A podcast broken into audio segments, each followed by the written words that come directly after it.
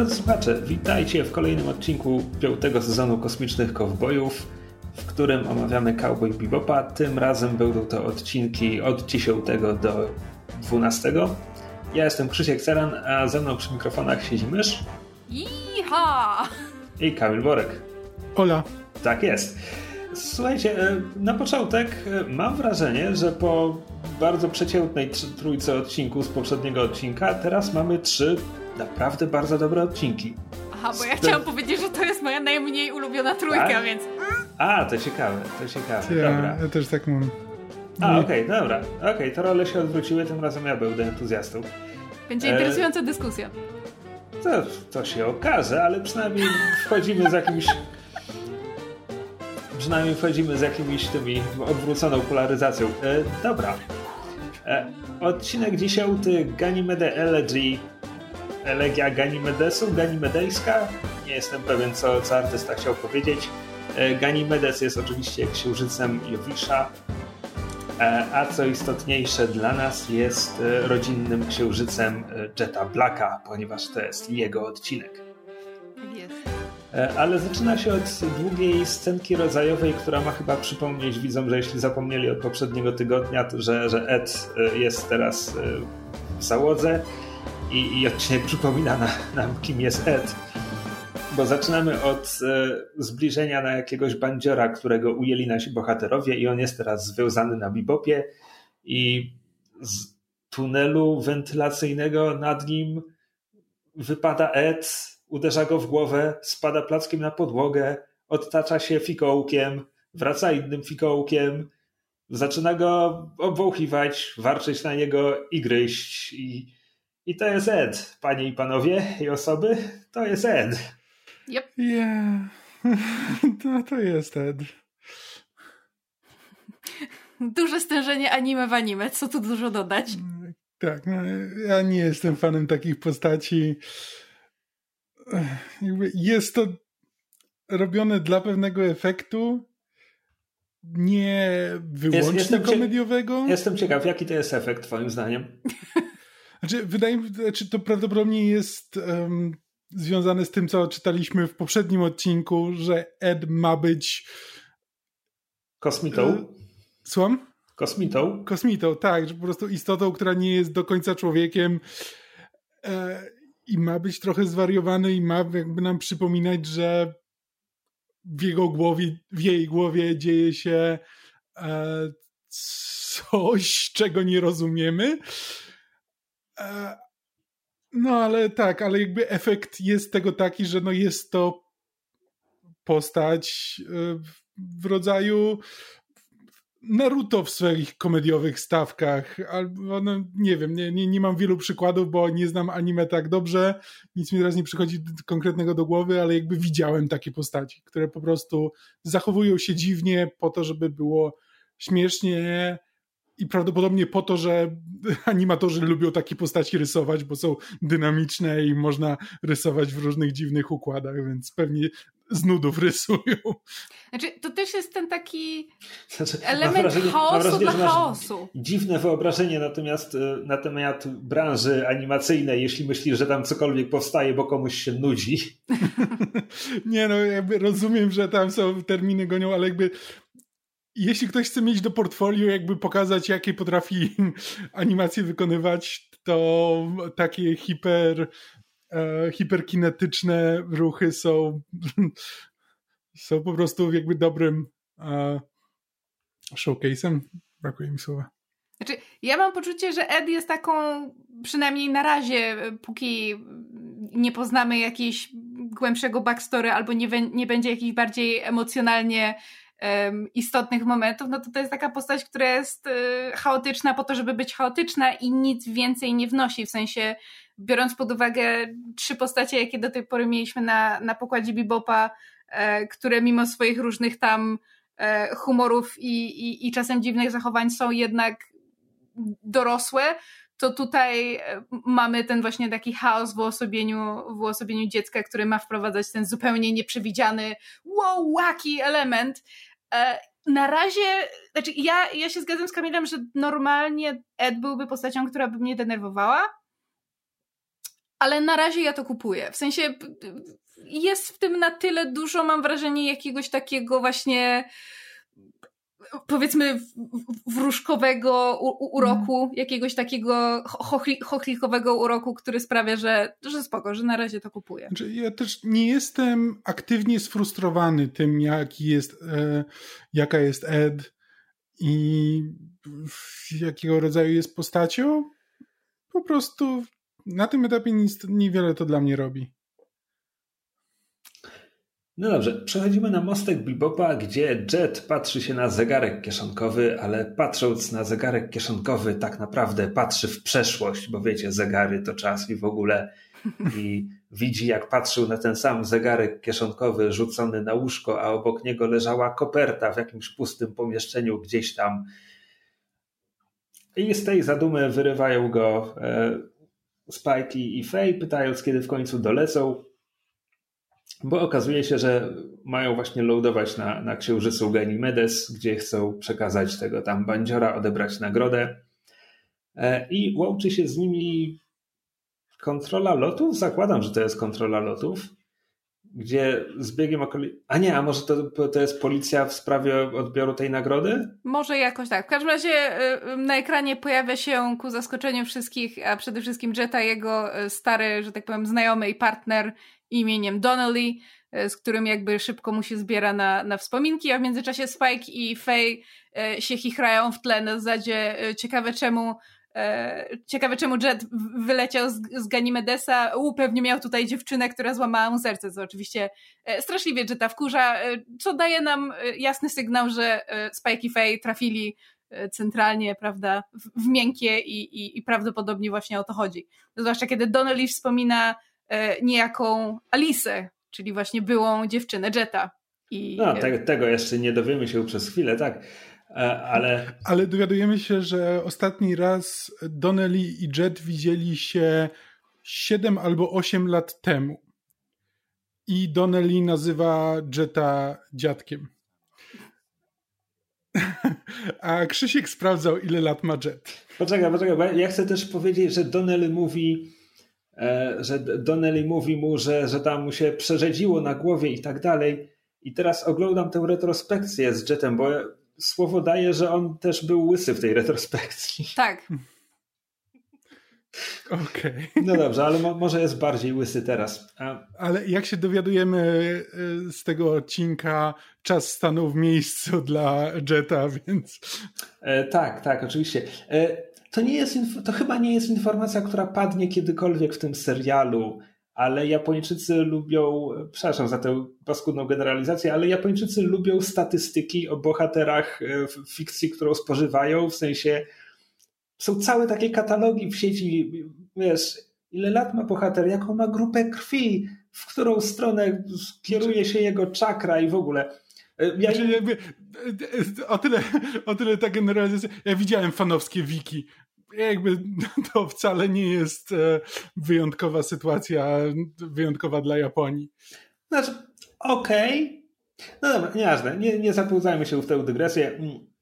Przywołuję ją tylko dlatego, że fanowska wiki, a zakładam, że było to wielokrotnie sprawdzone, jakby opiera się na jakichś oficjalnych informacjach, mówi nam, że Jet ma lat, uważajcie, jeśli, nie, jeśli stoicie, usi, usiądźcie.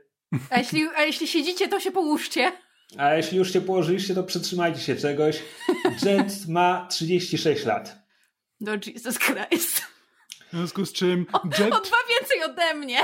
Jet odszedł na emeryturę jako zmęczony policjant w wieku około 28-29 lat. Which I mean relatable. Znaczy... Ale to jest taka kosmiczna bzdura i nie mówię tego tylko dlatego, że kończę 35 lat za dwa tygodnie z haczykiem, e, ale mówię to dlatego, że ta postać jest rysowana i napisana jak co najmniej o dekadę starsza. Mhm. Co najmniej.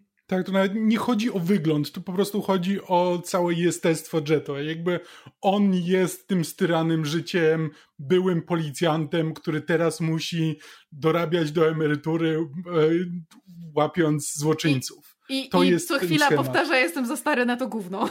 tak.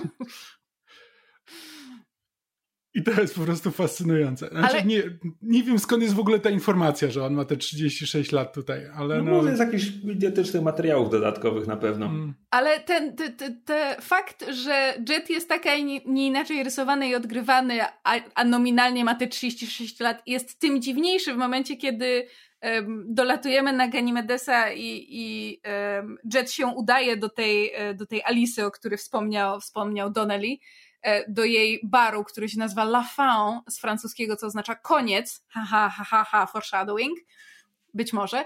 Um, i, I ta Alisa wygląda na studentkę, może dwadzieścia kilka lat. Znaczy, no, wygląda na ładną panią z anime. Jakby tutaj... Tak, jakby ją, ją, ją akurat kupuje, gdyby, wiesz Gdyby inna karta z statystykami powiedziała mi, że ona ma 33 czy coś, to jakby znaczy, to bym uwierzył. Okej, okay, tak, gdyby mi, gdyby mi jakiś, jakiś ten dosier powiedział, że, że Alisa ma te tam 30, nie wiem, dwa lata czy ile, to bym w to uwierzyła, ale kiedy ona stoi obok Jetta, to ja mam, to ja czuję cringe, dlatego że on jest starym dziadkiem, a ona jest młodą dziewczyną i to po prostu to się nie zgrywa. I ja, to był chyba jeden z moich głównych problemów w tym odcinku, że ja patrzyłam na, na ich interakcje i po pierwsze nie byłam tam w stanie wyczuć żadnego uczucia, napięcia, jakiejś dawnej pasji, w ogóle kompletne zero spłynęło to po mnie e, zupełnie jak po kaczce, a po drugie czułam ogromny dyskomfort oglądając relację między kimś, kto wizualnie wygląda jak 50, w najlepszym wypadku 50 kilkuletni facet, a dziewczyną, która jest rysowana w taki sposób, że równie dobrze może mieć 30, jak i 21, więc... Znaczy, nawet jeśli między nimi jest 30 lat różnicy, to tylko wpisuje się w najlepsze hollywoodzkie tradycje. Tak, ale wiesz, Krzysztofie, już e, nie od dziś rozmawia się nie tylko w, w, Hollywood, ale też jakby w ramach krytyki kultury, e, popkultury na temat tego, że ta, ten przedział wiekowy jednak należałoby zmniejszać. I to nie są dobre wzorce, znaczy, więc jedno, tym bardziej uważam, że należy o tym wspomnieć. E, jednocześnie, i wrócimy do tego pewnie w rozmawiając o finale odcinka, w tę relację to by miało sens, biorąc pod uwagę, czego dowiemy się o tej relacji, gdyby tam faktycznie była różnica wieku to taka zauważalna. Znaczy, tak, no ale jakby jest różnica pomiędzy, powiedzmy, nie wiem, um, 10, do 10 lat różnicy wieku w momencie, kiedy powiedzmy ona miała te tam, nie wiem, 20 parę, a on te tam, co żeśmy powiedzieli, 28. Jak rzucał, jak rzucał pracę w policji, to musiał mieć 28. A jednak znaczy, no po prostu jego, jego wygląd... Najstarszy i... 28-latek w Układzie Słonecznym. No właśnie i po prostu tak jeszcze... jednak sprawdzam, jak to się wpisuje że tak w światową kulturę na, na tym etapie, kiedy ten serial powstawał. E, no w 98 już mieliśmy Pierce'a Bronstana jako Bonda, a nie Timothy'ego Daltona, czyli przeskoczyliśmy już z tych czasów, kiedy podstawowym romansem był 50-letni facet i 20-letnia dziewczyna. Myślisz o Rogerze Murze? E, Roger Moore w ostatnich Bondach był bardzo, bardzo stary i grał z bardzo, bardzo młodymi aktorkami. Yep. No, no, Timothy Dalton nie jest dużo starszy od Pierce'a Brosnana przecież. No on miał, ile on mógł mieć? 30, hmm. może 40, na samym początku 40 był jak zaczynał grać? Nie, wcześniej musiało być. Dobrze, nieważne, dygresja. E, znaczy tak, e, wracając do odcinka, więc Spike i Faye idą oddać bandytę. Spike znowu inkasuje nagrodę w tym w nagrodomacie. To... 43 lata Timothy Dalton w License to Kill, przepraszam. No. E, w tym nagrodomacie, na który mysz zwracała uwagę przy odcinku mm, ósmym bodajże, Walc dla Venus. E, I znowu obgadują Jetta. E, Faye Aha, Fej wyciąga z tego taki morał, że mężczyźni są jakby beznadziejnymi romantykami, że Jet się łudzi, jeśli, jeśli sądzi, że ta dziewczyna w ogóle o nim jeszcze myśli, czy coś takiego, że kobiety są zupełnie inne. Na co Spike mówi jej, że może nie powinna oceniać wszystkich kobiet według swojej miary. Znaczy, to są takie kwestie z takich typowych właśnie filmów o cudzysłów wojnie płci i tak, kobiety są z Marsa, mężczyźni z Wenus na odwrót, jeden pies. E, w każdym razie Jet e, wchodzi do La Fin, e, gdzie najpierw widzi tylko bardzo nerwowego młodego człowieka, który ewidentnie ma broń za pazuchą ale potem z zaplecza wychodzi ona. E, jako się rzekło, być może osiemnastoletnia, być może trzydziestoparoletnia, e, piękna młoda dziewczyna, tudzież kobieta. Przepraszam, ja muszę do tego wrócić, bo ten kontrast jest jeszcze większy w momencie, kiedy... w momencie, kiedy zaraz się dowiemy, że ten koleś siedzący przy barze to jest jej obecny chłopak. I ten, on się nazywa Rind przez mhm. H tam jest w środku. E, I Rind wygląda jakby jest rysowany i zanimowany w sposób, gdzie ja patrzę na niego i widzę, że to jest nieogarnięty życiowo, jeszcze taki trochę um, kanciasto poruszający się chłopak, powiedzmy może 23 lata, 25 max. I patrzenie i jakby widzenie kontrastu pomiędzy Rintem i, i że, że, że obecnym facetem Alicji jest Rind, a ona te 8, 7-8 lat temu była z jetem, który wygląda jak 30. No, to się tak, nie zgrywa! z której strony jest tutaj ta nierówność wieku, która wchodzi w ten etap, który już jest trochę niekomfortowy? Znaczy po prostu każda kolejna informacja, którą dostawałam na temat relacji Alicy i, i, i Jetta sprawiała, że patrzyłam na, na Jetta z coraz większym takim, taką podejrzliwością na zasadzie mm, I don't like you. Tak, no ale nieważne. W każdym razie, więc, więc e, Rind wychodzi i zostawia ich samych, bo Alisa mówi mu, że tam wszystko jest w porządku. No i Jet pokazuje jej ten zegarek i tam mówi, że kiedy go, kiedy go opuściła, to, to powiedział sobie, w pewnym momencie powiedział sobie, że jeśli nie wróci, dopóki ten zegarek tam nakręcony kiedyś tam jeszcze chodzi, nie, jeśli nie wróci, zanim ten zegarek nie przestanie działać, to on opuści to życie, tę planetę i w ogóle jakby mężczyźni prędzej opuszczą planetę niż pójdą na terapię, tak? E, e, no, no, no, i oczywiście ona nie wróciła, on opuścił Ganimedes, ma teraz zupełnie inne życie. Od razu deklaruje, że nie ma jej niczego za złe i w ogóle, ale, ale chciał dowiedzieć się czemu, czemu go zostawiła. I, I tu jest decyzja jakby e, scenarzystów, która bardzo mi się spodobała. Czy scenarzystki, ja w sumie nie wiem, czy ta, ta jedna autorka pisała wszystkie odcinki. Mógłbym to sprawdzić, ale nie teraz. E, bo Alisa odpowiada, że jakby przeszłość to przeszłość i ona nie jest tu po to, żeby, żeby mu tłumaczyć rzeczy, ale, ale że może się z nim napić, bo czemu by nie. E, tak, ale nie wiem, czy zwróciłeś uwagę, Krzysiek, myśmy z Kamilem specjalnie przewinęli tę scenę, ale w scenie właśnie, kiedy, kiedy Alisa i Jet rozmawiają w jej barze, jest w pewnym momencie seria cięć montażowych, Zwróciłem bardzo szybkich, uwagę. gdzie oni cztery razy wracają do tego samego wide shotu z góry, bez żadnej potrzeby. To jest najbardziej wkurzające, jest... bezsensowne, niepotrzebne cięcie, jakie chyba w życiu widziałam w jakimkolwiek bardzo bliskie, dziele. Bardzo bliskie ujęcie na jej twarz, potem szeroki kąt na, na bar, jej twarz, bar, jej twarz, bar, jej twarz. I po prostu... Znaczy, to, to niczemu dla... nie służy, to wybija, jest denerwujące, wygląda jak błąd w montażu albo jakieś, jakaś czkawka, która się zdarzyła. Nie, nie, dla mnie, dla mnie to ewidentnie ma być takie to ma się wybić, to ma być takie, masz wejść w buty Jetta i poczuć jego dyskomfort w tej sytuacji, kiedy to... Możliwe. Znaczy, moja myśl była taka, że to nie może być przypadkowe. Znaczy, że to po prostu, gdyby to było raz, dwa, raz, to bym pomyślał, okay, jakby coś tutaj, jakieś się ujęcie wdarło trochę bez sensu. Jeśli zrobili to cztery razy, to rzeczywiście musiało mieć jakiś efekt i właśnie też miałem taką myśl na zasadzie, czy to jest tak, że Jet jest jakby tak skupiony na jej twarzy, ale jednocześnie trochę y, jakby poza ciałem i, co, i coś tu jest nie tak, że ale nie łapię tego zamysłu zupełnie, jakby nie e, emocjonalnie nie czuję tego.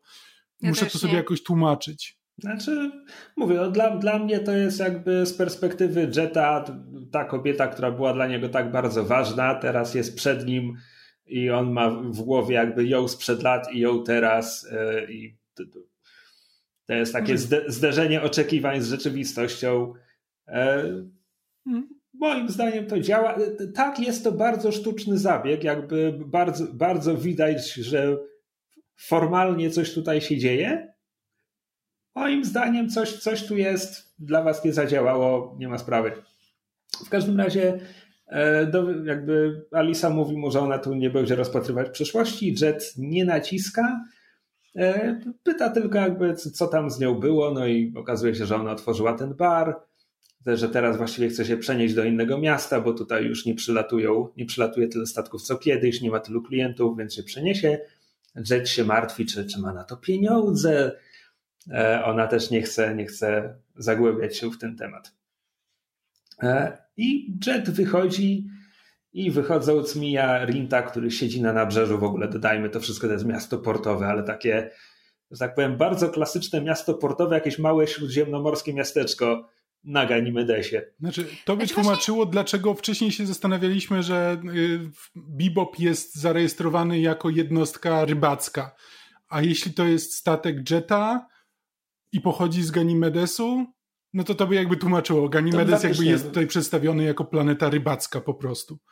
Znaczy, ja bym chciała wrócić do tego, co powiedziałeś, bo ja też w pierwszej chwili, jak zobaczyłam e, Ganimedesa jako to miasteczko, znaczy to jakby te, te e, nie Ganimedesa, tylko ten port Marvis konkretnie tam, gdzie, tam, gdzie Alisa ma swoją knajpę, jak to zobaczyłam, to miałam skojarzenia z Grecją, ale tam jednak też jest bardzo dużo tych takich elementów, e, powiedzmy, futurystyczno-industrialnych, więc raczej miałam skojarzenia z takimi, wy, znaczy nie wyspiarskimi, ale wybrzeżami czy nabrzeżami japońskich miast, właśnie takich już bardziej zindustrializowanych, więc wydaje mi się, że to.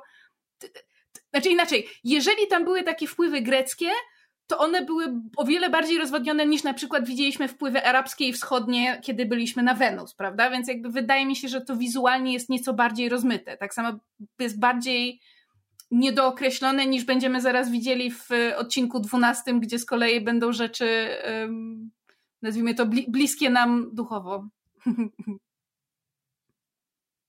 Tak.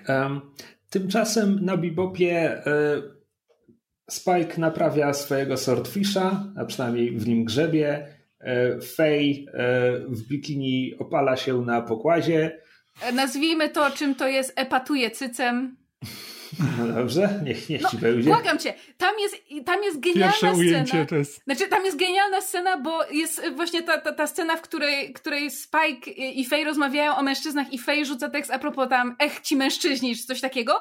I ten tekst pada w momencie, kiedy kamera, kamera robi zbliżenie na jej jakby błyszczący się do lejku cycki. Więc jakby to jest podsumowanie całego anime pod tytułem Ech, faceci, kobiecy biust. poezja, koniec. Ja już nic nie muszę więcej dodawać. No. Serial komentuje się sam. Tak. E, tak. E, Ed łowi ryby i nie rozumie, czemu Fej się opala, więc tam jest znowu scenka rodzajowa pod tytułem Ed jest kosmitą. E, po czym e, z Bebopem znowu łączy się Donnelly. E, tym razem odbiera Spike no i Donnelly mówi, że jest nagroda i on chciał im dać cynk ze względu na starą znajomość z Jetem, bo jeszcze nie podano tej informacji publicznie. Jest nagroda za człowieka imieniem Rind, bo zabił, zabił kogoś. Zabił... Jest powiedziane, kogo zabił. E, tak, ale ja nie wiem, jak po polsku jest loan shark i chciałem tego uniknąć. Lichwiarze. A, no tak, oczywiście. E, no, tak. tak. E, no i, i, ten sam Donnelly mówi chyba, że, że Rind jest teraz facetem Alisy. E, tak, mówi to, bo jakby Spike, Spike ze, ze świadomością, że jest ta więź między e, Alisą i Jetem i tak dalej, tak jakby trochę, trochę nie, nie, niepewnie. W każdym razie pyta o wysokość nagrody, tak jakby wiedział, że, że nie powinien ruszać tego tematu, ale hej, nagroda. E, no i nagroda jest na tyle wysoka, że e, Spike poleci. Zresztą to też jest bardzo ładna scena, bo on odlatuje tym swordfishem, startuje tuż nad opalającą się Fej. E, więc znowu to są te drobne złośliwości wobec Fej, które bywają zabawne. No tak, Fej już jakby jest do nich tak przyzwyczajona, że jakby właśnie ten Swordfish startuje, jej włosy po prostu latają na wszystkie strony, ona nawet jakby nie rusza brwią, po prostu leży dalej i się opala. Tak. Tam jeszcze w tej rozmowie Jetta z Anisą było, było o tym, że Jet mówił, że dla niego czas się zatrzymał, kiedy ona go odeszła. Jakby dla niej ona mówi absolutnie nie, czas, czas idzie dalej. Mm. Że ona mówi wręcz, że ona nie chce, żeby czas się dla niej zatrzymał. Mm. Tak. A e, potem mamy dalej, jakby już po tym jak Spike wyleci, to wracamy do baru, gdzie e, wow, już zdążyłem zapomnieć jej imienia. Alisa? Alisa. Alisa rozmawia z Rintem, który jest ewidentnie całkowicie rozbity, bo, no bo zabił człowieka, wie że teraz, że a, bo ona jeszcze mówi, że właśnie ten Jet, jej chłopak jest łowcą nagród, więc Rint tak, że okej, okay, znaczy, że wyznaczyli za mnie nagrodę e, i kompletnie jest w rozsypce. Na co w rozwiązanie tak, jest tam, takie, tam że widzimy też tam widzimy też flashback z tego i to, i to, była jakaś sytuacja, w której brała udział też Anisa, że ewidentnie jej, jej grożono. E, tak, tak, bo jak mamy powiedziane w tym oryginalnym, że e, to oni nazywają tego lichwiarza konkretnie niebezpiecznym lichwiarzem. Więc mamy od początku jakby zasugerowane, że no, to nie było zabójstwo spowodowane jakimś, jakąś chciwością, tylko potrzebą chwili. Tak. Tam y, mamy też chyba taki drobny montaż, jak Spike zatrzymuje się i rozpytuje różnych ludzi, bo, bo właściwie nie wie, gdzie szukać y, Rinta. To jest w tym odcinku, prawda? Tak. Bo tam jest takie piękne ujęcie, jak zaparkował Swordfisha blokując ruch na ulicy i wszyscy na niego trąbią. Tak. Zresztą mam, mam, wrażenie, że właśnie w trakcie chyba tych scen, a może to było wcześniej, ale leci jeden z rzadkich chyba utworów wokalnych w ogóle w, w No to, to jest jak już zacznie się pościg. A, to już jak się zacznie pościg, to przepraszam. Po prostu zwróciłam na to uwagę, bo muzyka w bebopie w ogóle jakby zawsze powtarzamy, że jest, że jest um, nawet jeżeli niekoniecznie podoba nam się osobiście, to, to y, jest y, ciekawa albo fajnie funkcjonuje w odcinku. I tutaj właśnie zwróciłam uwagę na to, że oprócz tego, że była to bardzo, bardzo piękna właśnie melodia, taka y, bardzo pasująca do, do, do elegii, czyli do, do, do, do tytułu odcinka, taka rzewna i smutna i przywodząca na myśl, na myśl właśnie jakieś takie wiecie, ten, ten smutny detektyw, który pali papierosa w deszczu i wspomina tę swoją zaginioną ukochaną, czy coś takiego, a, ale że był w tym wyraźny wokal, co, co w bebopie się rzadko zdarza. Tak, zaraz, Jeszcze chciałem wspomnieć tylko o jednej technicznej rzeczy, takiej ciekawostce, że tak powiem, bo właśnie ponieważ my oglądamy angielski dubbing z polskimi napisami, które ewidentnie polskie napisy są zrobione na podstawie japońskiej wersji, jak... Nie, polskie napisy są zrobione na podstawie angielskich napisów tak. do japońskiej wersji językowej. No tak, ale jakby oryginalnie jakby angielskie napisy w, odda... znaczy ten to jest tłumaczone przez angielski, ale chodzi mi o to, że jest oparte o japońską wersję językową. E, w związku z czym są drobne różnice i nawet jest taki moment, w którym właśnie Spike rozpytuje tych ludzi i to jest zrobione bez słów. Po prostu widzimy Spajka, który rozmawia z kimś, ten ktoś mu wskazuje drogę. E, tylko, że w angielskim dubbingu za pierwszym razem, kiedy Spike z kimś rozmawia i ktoś mu wskazuje drogę, to jest dialog między nimi, który nie jest podpisany. Co wskazuje mi, że w japońskiej wersji te wszystkie sceny były zupełnie bez, e, bez żadnego dialogu, a amerykańscy twórcy stwierdzili, że nie, ludzie nie będą wiedzieli, o co Spike tutaj pyta, jeśli nie, e, nie dodamy jednej kwestii na zasadzie, hej, czy widziałeś tego faceta? E, tak, spytaj tam dalej. No, okay. Fascynują mnie takie rzeczy. Tak, w każdym razie e, znajdujący się już na progu paniki Rind zabiera Alice i zaczyna uciekać. Rind boi się, że skoro znalazł go jeden łowca nagród, to zaraz będą kolejni. Wsiadają do. Poduszkowca. E, poduszkowca, tak. Wsiadają do poduszkowca i zaczynają sunąć nim przez, przez ten port e, nad wodą. W sensie oni suną nad wodą. E, też e, warto zaznaczyć, że kiedy mówimy poduszkowiec, mamy na myśli poduszkowiec taki, jaki istnieje w naszym świecie, nie poduszkowiec z Gwiezdnych Wojen, który może gdziekolwiek, e, to jest konkretnie poduszkowiec do pływania po wodzie. Tak, i to też jest taka mała motoróweczka poduszkowiec, więc mhm. to nie jest ogromny okręt. Z wiatrakiem, tak. Tak, dwoje, tak, no. dwie osoby. No i e, jak, jak to zwykle jak to zwykle bywa, śledztwo Spajka Co? No, że Spike na nich wpada przypadkiem. No tak, tak. Ale hej, szukał ich, tak? To nie jest tak, Tak, że był no to- zupełnie gdzie indziej. Możemy Tak, ale- założyć, że zawełża, zawełżał obszar poszukiwań. Na Niemniej każdym ja razie- powiedziałam na głos, jak to zobaczyłam, o jak zwykle Spike, więcej szczęścia niż rozumu. No w każdym razie zauważa ich, zaczyna lecieć za nimi, e, otwiera do nich ogień. Zakładam, że żeby ich przestraszyć, żeby się zatrzymali, bo mówię, tutaj nie wypłacają nagród za martwych, a przynajmniej to, to nie było takiego przypadku. E, I Rind, chociaż panikuje, okazuje się w miarę niezłym pilotem, a przynajmniej zna teren w przeciwieństwie do Spike'a, bo w pewnym momencie wpływa w taki jakiś wąski kanał między dwoma budynkami. Spike musi poderwać Swordfisha, żeby nie rozbić się o ścianę. I tutaj jest bardzo ładny zbieg okoliczności, bo Spike leci pionowo w górę wzdłuż ściany budynku, a Jet akurat przelatuje nad tym budynkiem, w związku z czym obaj muszą wykonać bardzo gwałtowny manewr, żeby się nie zderzyć. Mhm. E, Po czym e, jakby wyrównują lot. E, te- Teraz doczytałem na wiki, że ten spe- spersonalizowany stateczek Jetta nazywa się Hammerhead. Więc sword, Swordfish i Hammerhead, dwa, dwa, dwie ryby. Tak jest. Mie miecznik i ryba młot. Tak. Wiemy, jak się nazywa statek um, Fej? Fej? Na pewno da się to sprawdzić, ale w tej chwili nie wiem. E, Więc wyrównują lot, lecą koło siebie, no i Spike szybko tłumaczy, że Zarinta jest nagroda, że zabił tego lichwiarza. No i Jet mówi mu, że on się tym zajmie. I Spike tak do, dopytuje, ale, ale nie dasz mu uciec, co? Na co Jet zapewnia, że nie. Jak, jak dowiedzieliśmy się z jego rozmowy z Donnelim na początku odcinka, miał w policji ksywę wściekły pies. Jak, jak raz chwyci, to nie puści. Wściekły pies? Bo w, w na wiki jest chyba Black Dog. A może czarny pies? Niech będzie.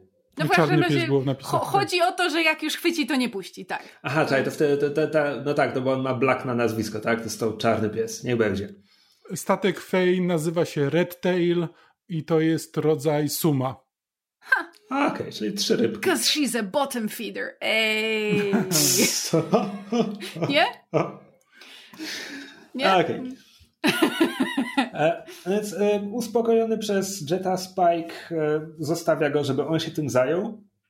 Jet, więc jakby mieliśmy jedną scenę pościgu, Spike za, za Rintem, teraz mamy drugą scenę pościgu, Jet przejmuje pościg i tutaj zaczyna lecieć ta ballada. Ten utwór nazywa się ILM. Zakładam, że to ma być, jest zapisany wielkimi literami. Electric zakładam, Light. że tak to czytamy. Orkiestra. Alternatywnie byłby to Elm, czyli Wiąz. znowu wios? Myślałem, że aż to wios. Rozmawialiśmy już o tym. Nie, bo to przecież e, koszmar z ulicy Wiązów to jest Nightmare on Elm Street, co oznacza, że przy aż musicie, musieliśmy się pomylić. Może jedna z tych drzew to platan.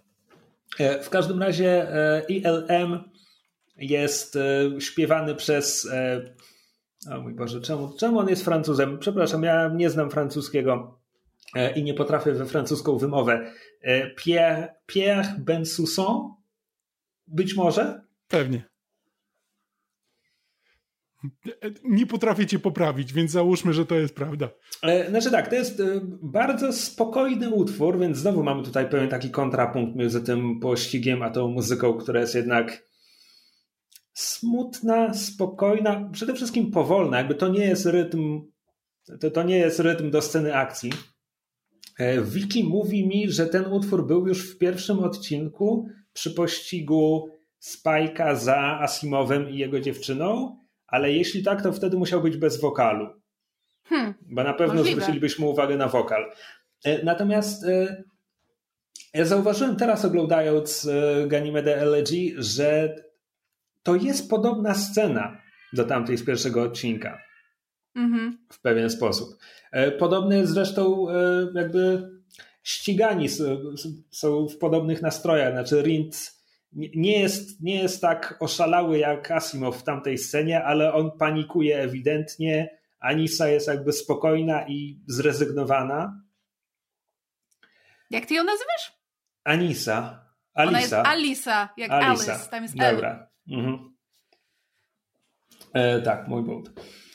E, w każdym razie e, Hammerhead okazuje się być wyposażony w harpun, którym Jet e, łapie poduszkowiec, unieruchamia go, kiedy Rind próbuje tam dać całą moc do silników i w ogóle to silniki eksplodują i oni po prostu dryfują na brzeg. Rozbijają się na takim malowniczym falochronie. Tak.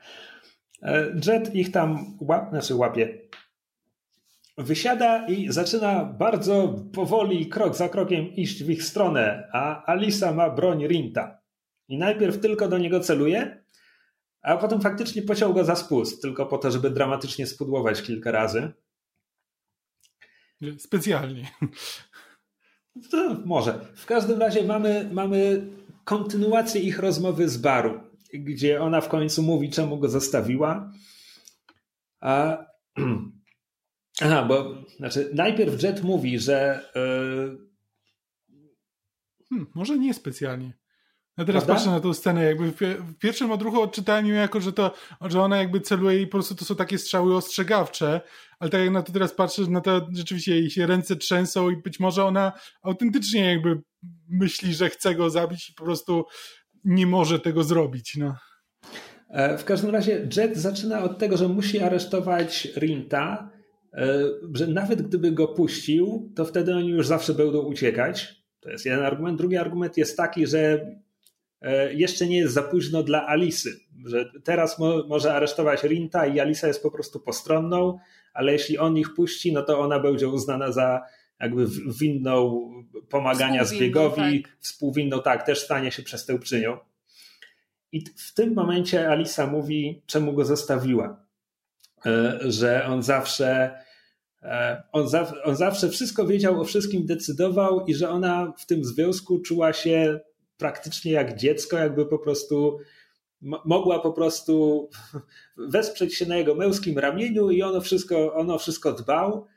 No ona chciała on, ona chciała móc podejmować decyzje, nawet jeśli będzie popełniać błędy. To, to mm. chciała to robić za siebie. E, I, I przy dlatego... okazji też chyba wychodzi, znaczy nie jestem pewna, czy to wychodzi teraz, czy już było wspomniane wcześniej w, w odcinku, że jakby to ona pożyczyła pieniądze od tego lichwiarza, żeby właśnie rozkręcić swój interes i ponieważ nie mogła się wypłacić, to oni ją napastowali i dlatego Rint jej musiał bronić, więc jakby wychodzi na to, że to nie... To poniekąd z jej, cudzysłów, winy doszło do tej sytuacji. Tak. E, I ja to bardzo kupuję, jako wytłumaczenie właśnie, znaczy, czy jestem, w, widzę, widzę czemu ktoś chciałby porzucić taki związek, nawet jeśli go kochała, to czuła się w tym hmm? to, tak, Maszu? Znaczy, po prostu ja, ja się absolutnie z tobą zgadzam. Ja też to bardzo kupuję i uważam, że to jest bardzo interesujący powód, żeby właśnie pokazać, um, znaczy, żeby pokazać taki powód um, odejścia ze związku. Problem polega na tym, ja, to nie jest, na, naprawdę nie chodzi o to, że ja się uczepiłam tego jakże psiego ogona, ale dla mnie usłyszenie tego z ust, z ust Alisy nie było w żaden sposób interesujące ani ciekawe, bo od początku to zakładałam. W sensie taka było, t, takie było moje założenie, że, że ich relacja musiała w jakiś sposób wyglądać tak, że, że Jet podejmował y, za nią decyzję i że ona tam, tam się czuła um, pozbawiona okay. własnej woli. Na, na właśnie to dlatego, właśnie na tą dlatego, wieku? Właśnie przez różnicę wieku, bo natychmiast, kiedy zobaczyłam, jak Alisa wygląda, to miałam takie, a no tak, była w związku ze starszym facetem, on pewnie o wszystkim decydował, ona nie miała prawa głosu, czuła się zaopiekowana i, i, i wszystko było fajnie, ale nie, nie było w tym jej żadnej decy decyzyjności. Ona nie miała poczucia tego, że żyje własnym życiem. Ktoś podejmował decyzję za nią. Więc w momencie, kiedy ona na koniec mówi, że tak rzeczywiście było, to ja miałam takie, no i jakby this isn't news, więc ja to kupuję jako powód, to jest dobry powód, ale ze względu na tę wizualną różnicę wieku, to nie wybrzmiewa tak dobrze, jak mogłoby, moim zdaniem. Ja, ja miałem podobną reakcję, nie na tyle przemyślaną co mysz, jakby nie miałem tego w, świadomie tej reakcji, że no na pewno skoro to jest starszy facet, to, e, to, to tak się potoczyło, ale miałem e, emocjonalnie dokładnie taką samą reakcję, że jakby usłyszałem to i miałem takie, aha, tylko że po prostu założyłem, że to jest wzięte stąd, że no, jakby znam takie historie, jakby nie, nie jest to dla mnie jakoś szczególnie, to nie to, że jest zaskakujące, bo to jakby nie musi być zaskakujące, ale to nie jest tak, że ta informacja ustawiła mi w głowie na zasadzie, że okej, okay, dowiedziałem się czegoś o Jecie, że to mi nagle, to mi nagle y, w jakiś sposób y, jest, daje kontekst jego relacji z, ze Spike'iem, czy z Jetem, czy coś takiego, że mówi mi coś nowego o tej osobie, tylko miałem takie, aha, no. no okay. ma, czy, ma to sens. Czy, czy, myślicie, że ten odcinek byłby lepszy, gdyby Jet w tym serialu faktycznie miał 36 lat, zamiast wyglądać i być pisany jak wygląda i jak jest pisany?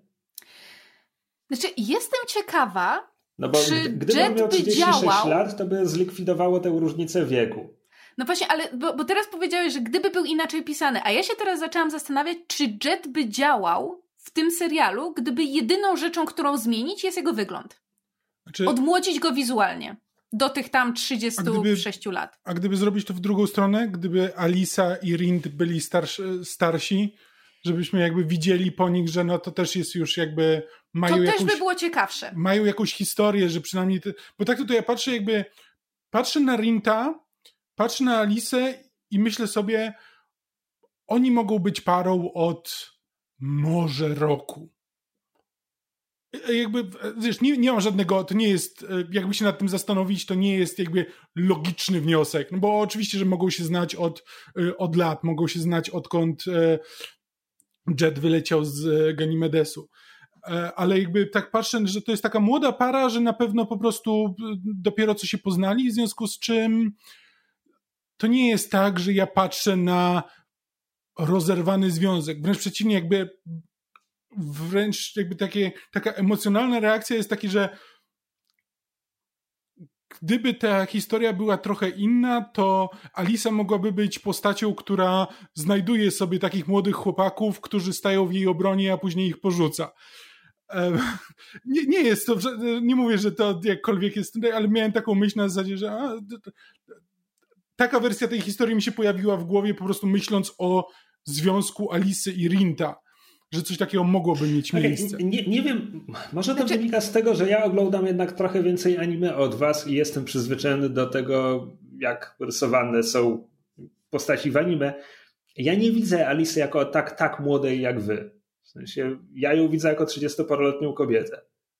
Ale wiesz, to jest jakby okej, okay, w kontekście szerzej anime być może rzeczywiście tak Alisa wypada, ale gdyby ją oceniać w kontekście jakby kobiet, które do tej pory mieliśmy w Cowboyu Bebopie, to jest bardzo trudno te, te, te granice wyznaczyć, dlatego że albo wszystkie kobiety wyglądają jak, jak Faye, Alisa i Julia, która się pojawia w, we flashbackach, kobieta z przeszłości e, Spike'a, albo wszystkie kobiety wyglądają jak, jak Viti, albo ta mamuśka z tego gangu, albo jak stare babcie. Więc jakby nie ma tak naprawdę tych właśnie kobiet, powiedzmy, w wieku średnim czy dojrzałym, hmm. um, które by były przy okazji piękne, bo to jest, to, to, mam wrażenie, że anime mocno polega na tym takim stereotypie tego, jak się starzeją azjatyckie, e, azjatyckie kobiety przede wszystkim, że są piękne, piękne, piękne, po czym nagle zamieniają się w cebulkę. I są przy tym szalenie urocze, ale są cebulką. I dla mnie też ciekawe by było, gdyby Alisa wizualnie była bliżej wizualnego wieku Jetta, bo wtedy też mam wrażenie, że sporo rzeczy by się lepiej układało, w sensie na zasadzie to, że właśnie ona mówi o tym, że ona nie chce, żeby się czas zatrzymywał, jakby to, to, to, to jakieś takie gravitas, z którym ona się wypowiada na temat tego, co przeżyła i, i czego szuka w życiu, miałoby więcej wagi. I byłoby też bardzo ciekawe, że ona się znalazła w związku z młodszym facetem, który tak stanął w jej obronie, ale przy okazji działał bardzo pochopnie i w związku z tym oni się znaleźli w o wiele większej kabale niż, niż byli ze względu na jej decyzję. Wydaje mi się, że to by o wiele ciekawiej wybrzmiało, gdyby, gdyby albo wiek Alisy, albo wiek Jetta został zmieniony. Chyba wolałabym, gdyby Alisa była wizualnie starsza, żeby to wybrzmiało w ten sposób. No dobrze, nie przeciągając, e, Alisa ostatecznie nie zabija Jetta. E, Jet aresztuje Rinta, w następnej scenie są już otoczeni masą radiowozów i okazuje się, że historia ma zasadniczo happy end, bo Jet i Alisa rozstaną się w bardzo dobrej komitywie. Jet zapewnia ją, że, że to morderstwo zostanie uznane za obronę własną. E, jest tam zasugerowane, że Rind bardzo szybko wyjdzie z więzienia. E, Jet jeszcze tu, przed przybyciem policji Jet mówi Rintowi, żeby, żeby opiekował się Alisą. A ja, ponieważ jakby kompletnie zapomniałem ten serial poza pięcioma odcinkami, e, myślałem, że może go jednak ich puści. Ale nie, po prostu nie pamiętam, jak to się, jak to się toczy. Znaczy, ja tutaj miałem taką myśl na zasadzie, że to jest trochę właśnie, właśnie mu Alisa e, skończyła tłumaczyć, że czuła się przy nim jakby jak, jak dziewczynka, że ciągle się nią opiekował, po czym Jet po tym wszystkim mówi Rintowi opiekuj się nią. I takie, nie słuchałeś ani słowa, które do ciebie powiedziała, co? Coś w tym jest. W każdym razie na odchodne e, Jet żegna Alisę i idąc na brzeżem Ostatni raz patrzy na zegarek i wyrzuca go do wody. Nic!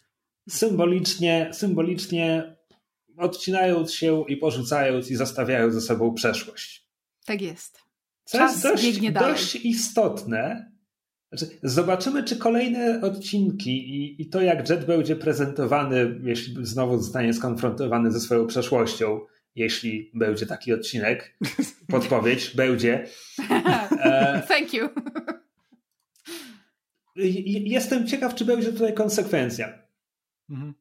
Bo ten serial jest o ludziach, którzy nie potrafią zostawić przeszłości. Jakby e, jest to, jest to, no za moment zresztą zobaczymy e, w odcinku 12, zobaczymy jak to wygląda w wypadku Spajka.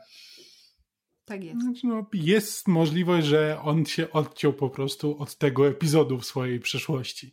Też możliwe, co wciąż jakby jest, jest hmm. zdrowe. Nie, oczywiście, Dobrze, że, tak. że to zrobił. To jest rozwój bohatera, jakby w swojej podstawowej definicji. Nie mam, tak. nie mam żadnych problemów z tym. E, znaczy, ja lubię ten odcinek. E, najwyraźniej nie odbieram tego związku aż tak źle jak wy. E, scena pościgu, z, z, kiedy Elm leci w tle, jest piękna, jest, jest świetna, jest super. Moje odczucia są pozytywne. Przejdźmy dalej. Odcinek 11, Toys in the Attic, zabawki na strychu. Mhm. Co jest. Poczekaj, zanim przejdziemy dalej, to chciałabym zauważyć, że to nie jest oryginalny tytuł, to jest angielski tytuł, bo oryginalny tytuł jest Heavy Rock of the Dark Knight. Okej. Okay. Huh jest Yamio no Heavy Rocku. Toys in the Attic, angielski tytuł jest nawiązaniem do piosenki, znaczy do albumu Aerosmith pod tym samym tytułem. I to jest chyba jeden z dwóch autentycznie, z tego co widzę, dwóch odcinków w całym serialu, który ma inny angielski tytuł niż oryginalny japoński. Ciekawe. No. Ciekawe. E, tak. E, nasi bohaterowie są na Bebopie, który przylatuje z jednego miejsca w kosmosie do innego miejsca w kosmosie. Ewidentnie jest to środek długiego przelotu, ewidentnie im się nudzi. E, Spike, znaczy w ogóle pierwsze ujęcie jest z pierwszoosobowej perspektywy czegoś, czegoś, co się skrada gdzieś na bibobie. Tak. Ale potem widzimy naszą załogę. E, Spike przypala szaszłyki miotaczem ognia czy raczej pali je, bo za moment próbuje ich i widać, że nawet jemu nie smakują. E, Spike w samych bokserkach gra z Faye, znaczy Faye rzuca kośćmi, e, Jet ma obstawiać i jeśli, jeśli Stan Sakai mnie nie okłamał, jest to gra hazardowa, która była popularna już w feudalnej Japonii. Po prostu rzuca się dwoma sześciościennymi kostkami, a wszyscy przy stole obstawiają, czy wynik, czyli łączna suma z dwóch kostek jest parzysty czy nieparzysty. Mhm. E, Zasadniczo to jest gra w wojnę. Tylko z elementem obstawiania. Gdybyś grał wojnę i obstawiał, czy która karta wygra, to, to mniej więcej by było na tym poziomie. No w sumie. E, ważna informacja na temat klamry narracyjnej tego odcinka, bo jakby tutaj już mamy właśnie przed tą sceną grania w karty jest plansza lekcja pierwsza i jakby będziemy mieli takich lekcji cztery. Cały odcinek jest podzielony na cztery takie części. A, Każda za... z tych części nazywa się lekcją. I numer. każdej lekcji udziela kto inny, w sensie inny z mieszkańców Bibopa. Tak, i pier pierwszej lekcji udziela Jet, ale szczerze mówiąc już nie pamiętam jaka ona była. Ja też nie pamiętam żadnej z tych lekcji, bo jakoś nie odniosłem wrażenia, że mają głębokie powiązanie z tym, co nie właśnie mają. zobaczyłem. Um, znaczy, czekajcie, będę tłumaczyć na bieżąco. bieżąco. Lekcja pierwsza. Um, ludzie są przeznaczeni do, do, tego, żeby pracować um, w pocie czoła i, i zarabiać na swoje utrzymanie. Ci, którzy próbują się wzbogacić szybko albo żyją kosztem innych, otrzymują e, boską karę. That's the lesson. Okay. Niestety szybko zapomina, zapominamy lekcje, których się nauczy, nauczyliśmy, a potem musimy się ich uczyć od nowa i tak w kółko. Tak brzmi pierwsza lekcja przez Jetta. Tak, no więc, no więc kiedy widzimy tę rozgrywkę, Jet jest już rozebrany do bokserek, Fej jest otoczona rzeczami Jetta. E, no i Fej jakby właśnie znowu rzuciła kości, każe Jetowi obstawiać. E, tamten mówi, tamten mówi parzyste. Fej pyta, ale czy na pewno? Jet, Jet mówi, nie, nie, nie parzyste. A Fej e, niezauważona wciska przycisk na bransoletce, którą ma wokół kostki na nodze i odsłania kubek i pokazuje dwie jedynki parzyste. E, po, po, czym łaskawie mówi Jetowi, że może jej zapłacić gotówką, na co tamten odpowiada, że, że przecież dał słowo i, i ściął gagacie przed nią. Tak jest. E, po czym pójdzie, e, pójdzie szukać chyba jakiej, jakiegoś zapasowego ubrania, bo w następnej scenie zobaczymy go owiniętego kocem w jakiejś zapyziałej ładowni bibopa, której nigdy wcześniej nie widzieliśmy na oczy. E, ale po drodze jeszcze. E, Żeby było śmieszniej, Wiki to nazywa strychem. W sensie, no bo... że on idzie na strych po ten koc? Znaczy, no to by miało sens w, w kontekście tytułu. tytułu. Tak, ale nie a z drugiej strony strych, no właśnie, strych na statku? E, tak, więc, więc e, Spike tam wyrzuca, znaczy wyrzuca E, mówi tylko Fej, że, że on oczywiście wie, że ona oszukiwała, bo przyciska tę jej bransoletkę i wtedy widzimy, jak te kostki na stole przeskakują na, na pojedyncze oczka. E, kwestia, która mi się spodobała, to była, kiedy mówi, mówi jej, że mogłaby przynajmniej oddać mu ubranie, na, na co Fej odpowiada, że wynajmie mu je. Tak. A tymczasem e, Jet Coś poszedł... się skrada. Tak, coś tak, się Nie skrada. tymczasem, bo zaczyna, e, alarm się włącza. Kiedy oni rozmawiają. I jakby Spike, Faye i Ain biegną do znaczy, na strych. Inaczej, w momencie, kiedy e, Jet poszedł po kocyk na cudzysłów strych, to e, widzimy też przebitki, jak coś się skrada i coś się na niego rzuca. Jeżeli E, znaczy, żałujcie, że nie widzieliście tych pierwszych scen, którymi się ten odcinek, e, znaczy tych pierwszych scen właśnie jak coś się skrada przez, przez um, wentylację Bibopa, bo ja tylko spojrzałam na Kamila i powiedziałam, o, obcy, co? Mhm, obcy.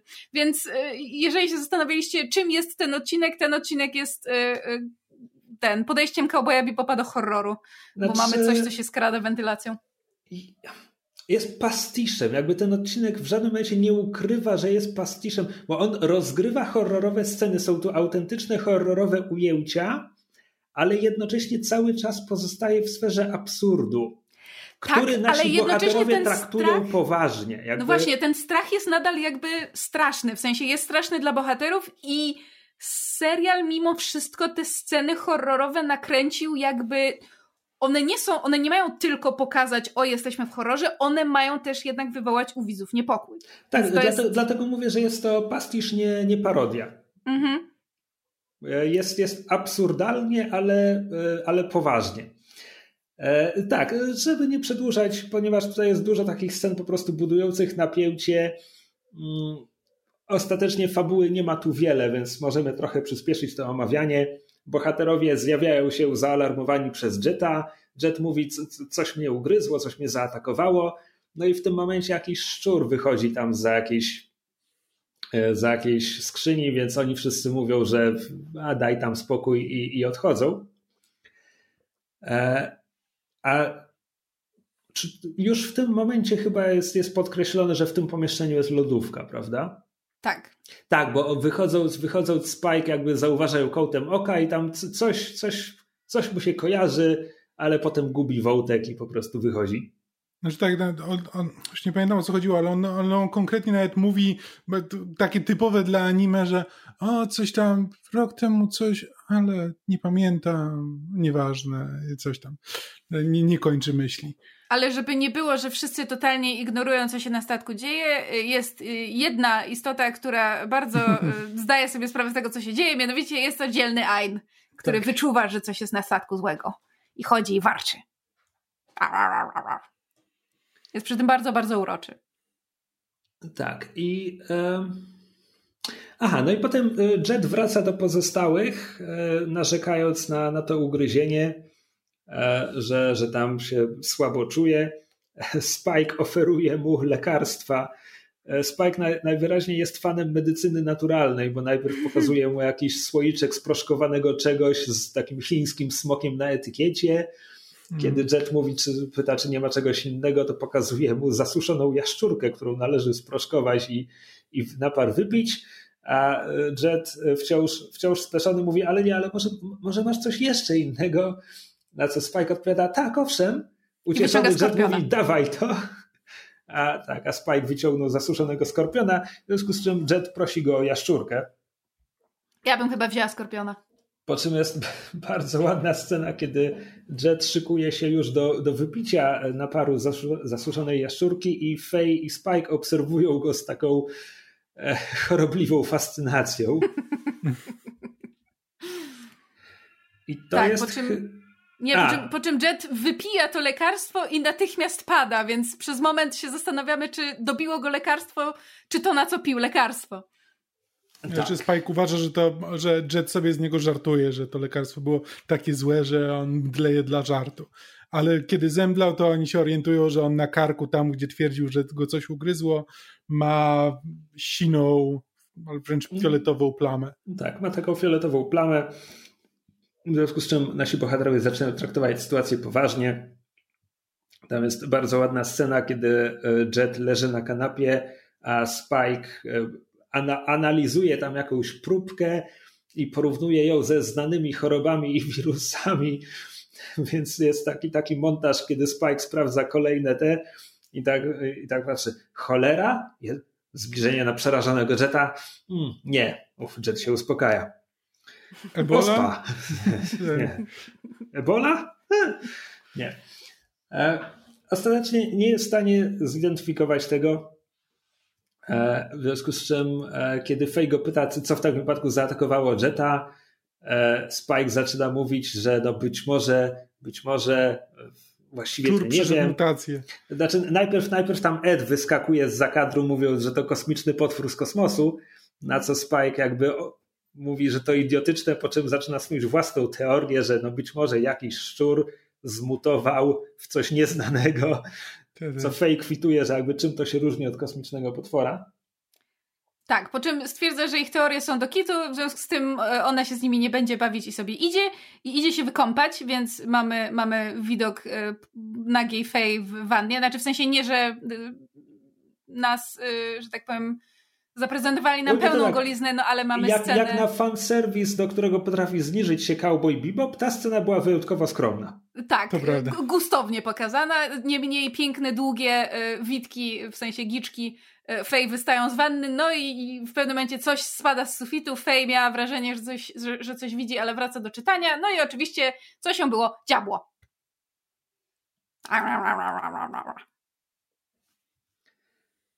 E, tak. O tym dowiadujemy się chwilę później, bo tak naprawdę w tym czasie Spike testuje jakiś nowy gadżet, który okazuje się być noktowizorem i prosi Eda... Znaczy, to są gogle na podszerwień.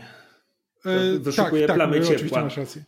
E, prosi Eda o pomoc, bo chce przy jego pomocy sprawdzić, czy te gogle działają, a Ed oczywiście ucieka razem z Ainem i się zaczynają bawić, więc Spike zostaje sam i wtedy wchodzi... Tam, tam, też jest, tam też jest taki moment, kiedy my widzowie widzimy, że Spike widzi, widzi stwora, widzi plamę ciepła pełzającą po podłodze, tylko zakłada, że to, że to musi być jakiś bug w systemie. Tak, tak. E, tak, no i wtedy przychodzi Fej, Fej w szlafroku, pyta Spike'a, co, co się dzieje z tym, z tym ugryzieniem, jak myśli, co spotka, co spotka Jetta, no i Spike boi się, że to może prowadzić do śmierci, no i tutaj Fej zaczyna mówić, że ale przecież jest taka młoda i tyle przed nią życia e, i, i w sumie to nie, nie popełniła jakichś strasznie ciężkich przestępstw jeszcze. E, tyle przed nią. I pada nieprzytomna, bo, bo była użołdlona w nogę. A tak, no i jeszcze zapomnieliśmy o drugiej lekcji, bo drugą, drugą lekcję udziela Fej. Że, że, ten, że przetrwają, przetrwają najsilniejsi to, to prawo natury, że e, oszukujemy, jesteśmy oszukiwani i dzięki temu rozkwitamy albo padamy martwi i e, nic dobrego nie przychodzi z ufania innym i trzeba ufać tylko sobie. I tak brzmi lekcja druga. Tak. No jest, w tym momencie mamy już dwie nieprzytomne osoby. Ed z Ainem poszli nie wiadomo gdzie. Spike jakby traktuje sytuację poważnie, e, dozbraja się w sprzęt. E, I... Jeszcze jakiś Arnold Ripley. Schwarzenegger. Znaczy nie, dla mnie to było skojarzenie z Ripley po prostu. Znaczy to, to tam, jest, tam jest ujęcie z Obcego 2, dokładnie, toczka w toczkę. E, tak. kiedy, kiedy Spike trzyma, to, to jest chyba ten, nie, to jest wyrzutnia sieci e, i trzymają tak, jak, jak Ripley trzyma ten pulse gun, tak to się chyba nazywa w pewnym momencie w, w obcych. A, e, tak. To jeszcze nie jest ostateczna konfrontacja, bo podczas tej wyprawy Spike znajdzie y, użołdlonego Aina, y, bo w pewnym momencie usłyszy żałob, żałobny jełk no i najpierw, najpierw będzie ten narzekał, co coś ciebie za pies, jak mogłeś dać się podejść. No i wtedy e, zaatakuje ich potwór. I po raz pierwszy chyba widzimy wyraźnie, jest to dość rozczarowujące, ale zastanawiam się, czy chodziło tutaj o oszczędność w animacji, bo potwór jest po prostu taką fioletową galaretką, tak jakby, nie wiem, Ditto ich tropił po tym, po tym. E, ale tak, Spike'owi udaje się uciec razem z Ainem, więc mamy kolejną przebitkę na to główne pomieszczenie Bebopa, gdzie jest zabandażowany i nieprzytomny Jet, Faye i Ain. Na, A Ed, Ed gdzieś zniknęła, więc Spike stwierdza, że został sam i musi sobie jakoś radzić, więc idzie do e, kokpitu i nastawia autopilota e, na Marsa, żeby jakby Bebop leciał na Marsa bez żadnej bez żadnego wsparcia ludzi. E, na zasadzie, jeśli coś nam się stanie, to przynajmniej dolecimy na Marsa, może tam, na, na, na, tam nam ktoś pomoże. I to jest chyba już moment, kiedy on sobie przypomniał i idzie do lodówki, prawda? Um, nie do końca. Że nie, bo czy, chyba czy najpierw nie, on, jest on konfrontacja, w której postrzeli stwora? Chyba on, on jeszcze w tym po drodze momencie go... się dozbraja i jeszcze, jeszcze walczy ze stworem i potem dopiero po tak, nieudanej więc, więc walce... Kiedy go przypala! Kiedy go przypala, zdaje no tak. sobie sprawę z tego, że zapach jest znajomy. I wtedy się orientuje. Oczywiście. Tak, więc, więc jest, jest konfrontacja, podczas której Spike najpierw po prostu strzela do galarety. Raz udaje się trafić galaretę, co oszałamia galaretę na tyle, że teraz Spike przerzuca się na ten miotacz ognia, e, którym, którym którym przypala galaretę na amen e, i, i rozpoznaje zapach. Jest też moment, w którym e, próbuje odpalić papierosa. Nie jestem pewien, czy to było wcześniej, czy to było teraz, po tej strzelaninie. Wspominam o tym tylko dlatego, że to jest chyba bezpośrednio scena z coś. Kurt Russell przypala papierosa tak. miotaczem ognia. Możliwe. Od razu mówię, nie widziałem cosia, ale ja jestem nie, pewien, że taka scena istnieje. Ja widziałem czym, lata temu, więc nie pamiętam. E, przy czym Spike'owi, Spike'owi to nie wychodzi. Znaczy on sobie wali tym płomieniem tuż przed twarzą i po prostu spopiela papierosa zamiast go zapali, więc to jest taki yep. mały dowcip. E, I tak, zapach, zapach coś Spike'owi przypomniał, więc on idzie na ten strych, czy do tej zapomnianej ładowni. I... Ale poczekaj, bo zanim do tego dojdziesz, to chciałam jeszcze wspomnieć o trzeciej lekcji. Trzeciej lekcji po drodze udziela Edward, znaczy w sensie póki jeszcze widzieliśmy Edwarda z Ainem, to e, e, Edward mówi, że e, lekcja, lekcja, jeśli zobaczysz nieznajomego, to za nim idź. Typowy Edward. E, tak. A, a narracja Spike'a mówi nam, że rok temu udało mu się dopaść prawdziwego homara i żeby nikt inny mu go nie zjadł. Zakładam, że przez nikt inny chodzi tylko o Jetta, bo cała reszta nie była z nim jeszcze rok temu. Raczej nie minął rok, odkąd Fej jest z nimi na pokładzie. W każdym razie, żeby nikt inny mu go nie zjadł, schował go w tej lodówce w tym zapomnianym pomieszczeniu na zapomnianym końcu Bibopa, a potem o nim zapomniał. Mhm. I kiedy I otwiera tę lodówkę, to, to tam się dzieją. Scena. To, tam się dzieją sceny dantejskie. Bo my widzowie nie widzimy, co jest w lodówce. Nie tak naprawdę. Widzimy tylko, jak y, Spike uchyla drzwiczki i tam jest jakaś organiczna masa. To jest jakieś po prostu czysty coś, Lovecraft. No. Coś, coś się wykluło z czegoś, coś jest poro, porośnięte tkanką, która się rozciąga. I, I, to, jest, to jest tylko uchylające się drzwiczki są przebijane zbliżeniem na twarz Spajka w coraz większym przerażeniu. Mm-hmm. I jest to cudowne. I on zamyka tę lodówkę i targa ją przez pół bibopa po to, żeby wyrzucić ją w przestrzeń, ale z kolei ten montaż je, jest przebity ujęciem czysty horror, bardzo ładne, na plamę spalenizny na ścianie bibopa, pośrodku której to plamy spalenizny jest punkcik, gdzie było coś, co było spalone, ale już tego nie ma. Mhm. I A, chwilę i dodajmy... później mamy lekcję. Nie, nie, dodajmy, że Spike, żeby wytachać tę lodówkę, to wyłącza na bibopie grawitację. Znaczy, w sensie zmniejsza ją, żeby mógł po prostu popychając w nieważkości e, lodówkę ją wypchnąć przez śluzę. E, Tylko, że w momencie, kiedy się zbliża do tej śluzy i już e, e, otwiera te, te, te drzwi zewnętrzne, żeby, żeby lodówka sobie tam wyleciała, no to ten kosmita go gryzie w rękę, więc mamy cudowną scenę pełną napięcia pod tytułem uścisk, uścisk e, Spajka na tej, na tej drobince, której się trzyma, żeby go nie wyssało w kosmos, zaczyna słabnąć, bo bo został ugryziony w rękę i powoli zaczyna tracić przytomność, a te drzwi od włazu powoli się zamykają po tym, jak ta lodówka już wy, wyleciała. No jest to bardzo, bardzo ładna scena. No i oczywiście wyrzucenie kosmity w, w, w kosmos, znowu jesteśmy w obcym. Znaczy, tak, ale z drugiej strony zauważmy, że, wyrzu- że Spike wyrzuca lodówkę, kosmita ucieka. E, tak. E, tak, lodówka wylatuje, drzwi ostatecznie się zamykają, zanim Spike, Spike wypadnie w przestrzeń. Kto mógł się spodziewać, że główny bohater serialu nie zginie w odcinku 11. E, po czym mamy piękny, szalenie malowniczy montaż, niemalże jakby po prostu twórcy Cowboy Bebopa inspirowali się fantazją Disneya, gdzie wraz z rytmem walca kwiatów Czajkowskiego widzimy piękną lodówkę, która obracając się wokół własnej osi, drzwi się powoli otwierają i w próżni kosmosu widzimy po prostu taniec tych, tych, tych zarodników i tego wszystkiego, tej całej no, organicznej materii, która była w tej Wygląda lodówce. jak po prostu kolorowe iskierki. Tak, albo jak jakiś halucynogenny po prostu y, sen i to mamy przebijane razem ze scenami na jak, jak Bebop płynie przez, przez przestrzeń. Zresztą y, trasą 66 jak nieprzytomni pacjenci też wirują w, tak. w, salonie. Tak, zresztą podróżują trasą 66, co jest oczywiście nawiązaniem do, do, do Route 66 w Stanach. Um, a no i na sam koniec, um, ponieważ oczywiście zostajemy z dwoma bardzo ważnymi pytaniami pod tytułem Gdzie jest Ed i co się stało z kosmitą? Więc y, widzimy, jak y, Ed również śpiąc y, unosi się w, w przestrzeni, znaczy w, w nieważkości na, na statku. I przez moment można myśleć, że ona też została ugryziona, ale nie. Ona się budzi w momencie, kiedy koło niej przypływa właśnie ten glutowaty kosmiczny alien i łapie go i zjada. Co chyba po raz kolejny dowodzi, że Ed jest kosmitą, bo inaczej how? No i tyle. No, zakładamy, że Bebop sobie wyląduje spokojnie na Marsie, Czajkowski gra dalej.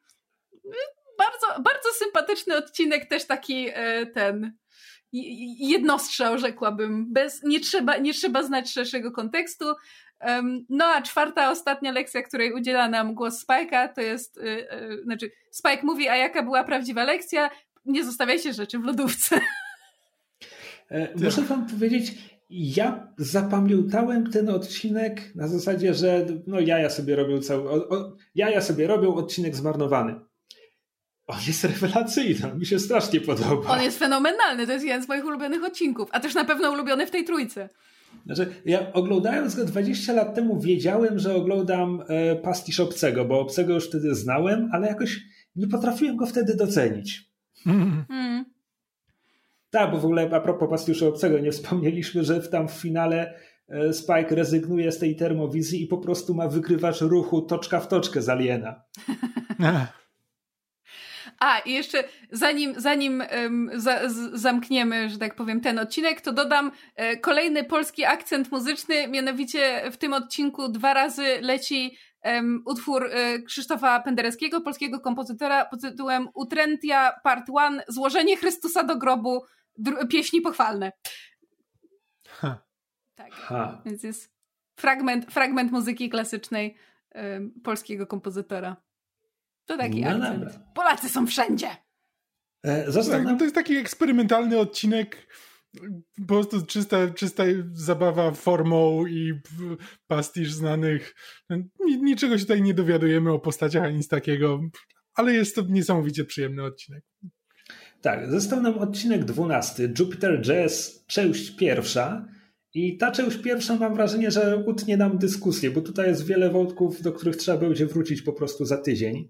Mhm. E, więc po prostu przelećmy przez to, co się tutaj dzieje. Zaczynamy od naszego starego przyjaciela, który e, ja go nazywałem starym bykiem, bo tak go nazywa Spike w pierwszym odcinku, ale Wiki mi mówi, że on jest śmiejącym się bykiem. No, który, chyba w który... odcinku nazywają go po prostu bykiem, więc jakby tak, nie No wiem. właśnie, tak. Który siedzi z młodym. Znowu Wiki mówi mi, że to jest jego syn. Wierzę Wiki, czemu nie? E, a nad nimi przelatuje spadająca gwiazda. No i młody mówi, że spada... młody mówi spadająca gwiazda, na co byk odpowiada, że to nie jest spadająca gwiazda, to e, dusza wojownika, który zakończył już swoją walkę na tej planecie, ale nie mógł znaleźć drogi do wielkiego ducha. Meanwhile. Tak.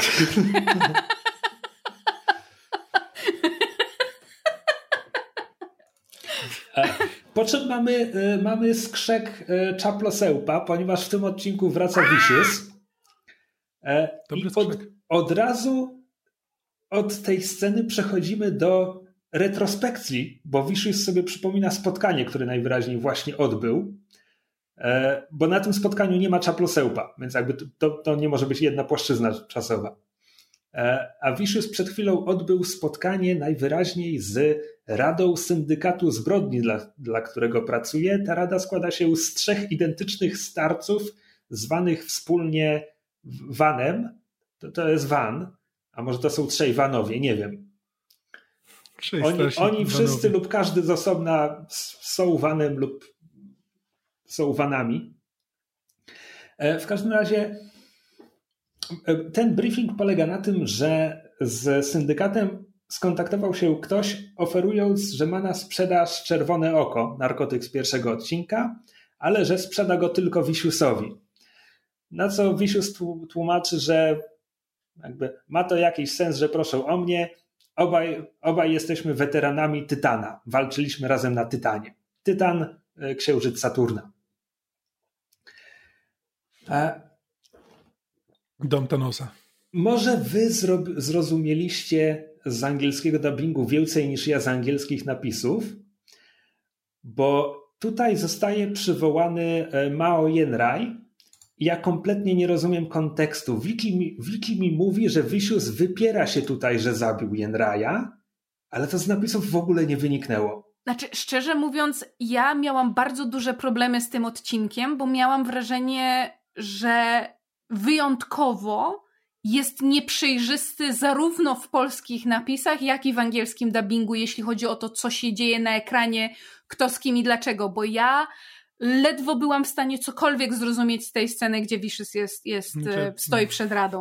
Ja też, jak Krzysiek tylko zaczął e, tą scenę, to miałem takie, okej, okay, dobrze, może Krzysiek mi wyjaśni, o co chodziło w tej scenie, bo ja nic nie pamiętam i myślałem, że to jest po prostu moja kiepska pamięć i okres skupienia uwagi, ale nie, to najwidoczniej znaczy, jest po prostu trudne do zrozumienia. Sceny. Ogólnie, ogólnie jest tak, że Vicious wciąż pracuje dla Czerwonego Smoka, w tym momencie trudno powiedzieć, czy wyeliminował Mao Yenraja z rozkazu Wanów, czy może bez ich wiedzy, a teraz jakby się tego wypiera. Jedno albo drugie nie jestem w stanie zrozumieć e, z, z angielskich napisów. Wiki twierdzi, że, że on się tego wypiera. Zakładam, że fani wiedzą, co, co piszą. Znaczy tak, on, on się tego ewidentnie wypiera. Czy ja nie wiem, co oni tutaj mówią, bo oni mówią, że każdy, kto sprzeciwi się Radzie, zostanie ukarany niezależnie od pozycji. On pyta, miałbym zdradzić własnego mentora, a oni mówią, sprawę Mao uznajemy za pecha. Okej. Okay. No, no miał pecha, no nie da się ukryć. No dobra, ale okej, okay, no to jeśli Vicious mówi, że przecież nie zabiłbym swojego mentora, no to się tego wypiera ewidentnie, mm -hmm. faktycznie. E, w każdym razie e, dwaj Ivanowie mówią Wisiusowi, że jakby stołpa po cienkim lodzie i że żeby sobie nie wyobrażał, że cokolwiek Kiedy zrobi. Kiedy dwaj Ivanowie mówią nie, jeden Van powie tak. Ale tak, no bo jeden, bo trzeci Van mówi, dobra Wisius to le, leć, e, leć na Tytana i dobij tego targu, ale poleci z tobą Lin. Lin jest młodym gangsterem. Kim Aha. jest Lin, dowiemy się później. Aha, dobrze, bo właśnie miałam pytać. E, znaczy, oni teraz wychodzą, ra, razem opuszczają tę salę zebrań, Wisius z Linem e, i Lin mówi mu, że jakby będzie służył Wisiusowi. Wisius odpowiada, że dla swojego dobra kiedyś mnie zdradzisz, na co Lin odpowiada abs absolutnie nie, honor i w ogóle, na co Wisius mówi... mówi wręcz, znaczy przynajmniej w, znaczy w polskich napisach, że to byłoby wbrew woli Rady. Tak, na co Wisius odpowiada, że kiedyś będzie musiał zabić tych starych głupców. Czego, czego Lin nie komentuje. A my przenosimy się na pokład Bibopa, gdzie jest bardzo gorąco z jakiegoś powodu. E, Spike się budzi, nie rozumie czemu jest tak gorąco.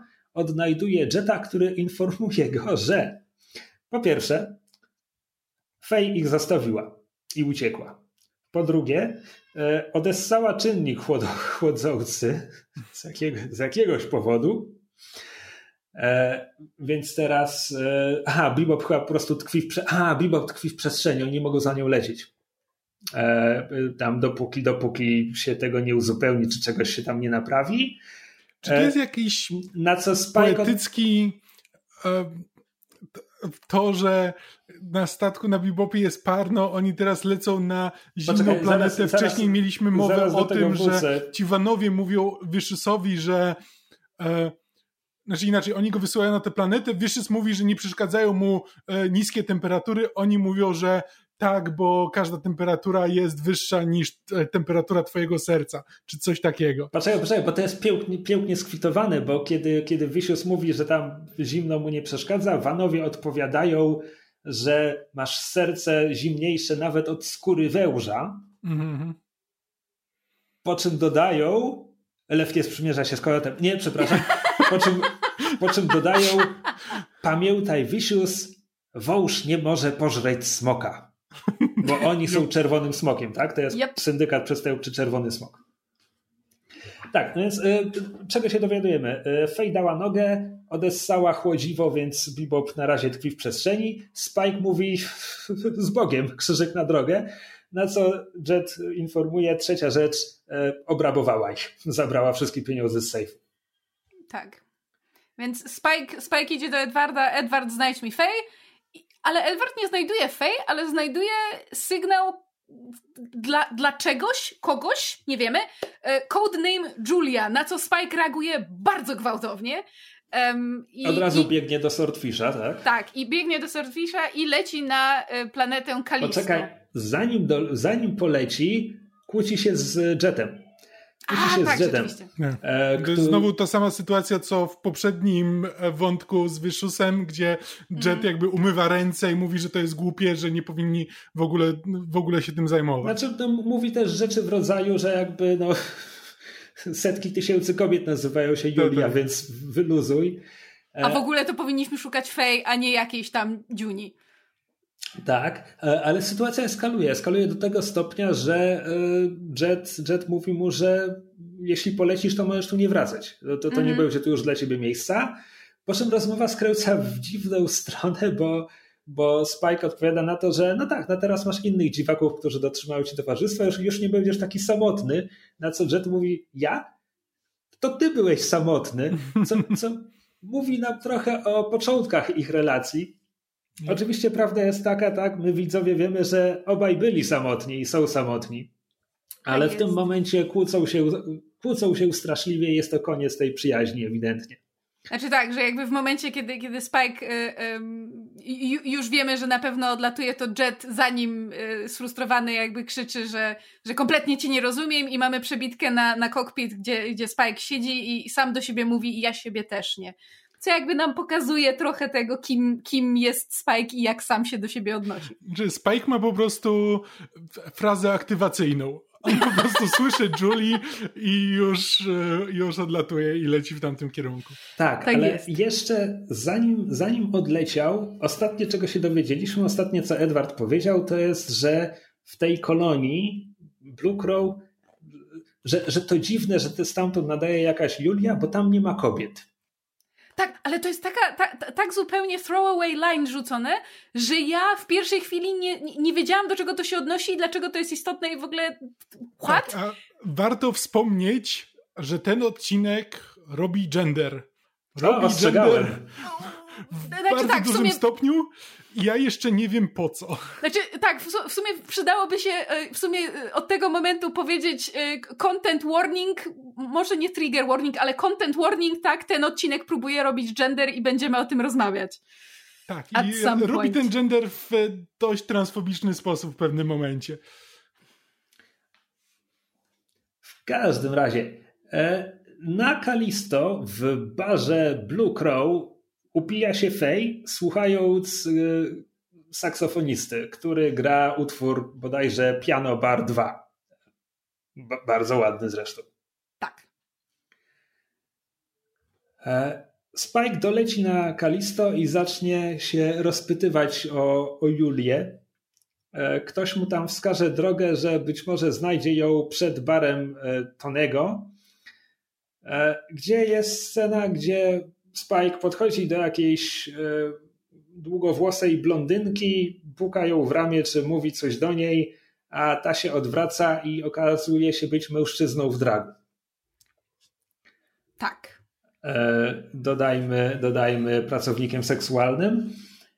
E, I tak, tu mamy dowcip pod tytułem Bohater myślał, że to kobieta, a to mężczyzna i, i does tak, not. Cała, cała scena jest czy przez moment mi się wydawało, że no okej, okay, powiedzmy, jakby Spike tak w pierwszym momencie reaguje zaskoczeniem, ale wraca do rozmowy i jakby gadają dalej, ale po pierwsze jakby ta postać e, tego seksworkera jest jest narysowana, ma być brzydka, ma być groteskowa, jakby jednocześnie brzydka i zabawna i jakby ewidentnie ma wynikać z tego i potem znowu jak tam on w pewnym momencie stwierdza, że a jednak się umówisz, widać po prostu y, totalną odrazę Spajka, że to już nie jest to nawet takie zaskoczenie, ale okej, okay, wracajmy do rzeczy, tylko widać takiej reakcji, która jest po prostu takim, taką totalną odrazą. Jakby to jest 98 rok i niestety tego typu scen tego typu sceny były bardzo popularne i. Ale to jeszcze jakby nie ale jest. Ale to się ogląda tak strasznie nieprzyjemnie teraz. To nie jest też jakby koniec tej sceny i powiedzmy, um, znaczy określmy to, to wprost y, złego ujęcia tych kwestii, bo to nawet nie jest tylko to, że Spike reaguje źle na sugestie od tego e, Julius, on ma na imię. Zresztą tam też o to chodzi, że, że, że Spike szukał Julie, a znalazł Juliusa. Um, ten, ten, to nie tylko chodzi o to, że Julius mówi, że a może jednak się ze mną umówisz, tylko też Julius przywołuje swoje koleżanki, więc mamy sytuację, w której Spike czuje się zagrożony, bo, bo mają nad nim przewagę liczebną. Co jakby znowu jest pójściem w tym najgorszym możliwym kierunku pod tytułem o mój Boże, hmm. jeżeli jest jakby o, osoba, której gender jest niezgodny z tym, co widzimy, to, to, to natychmiast jest jakieś zagrożenie. No po prostu...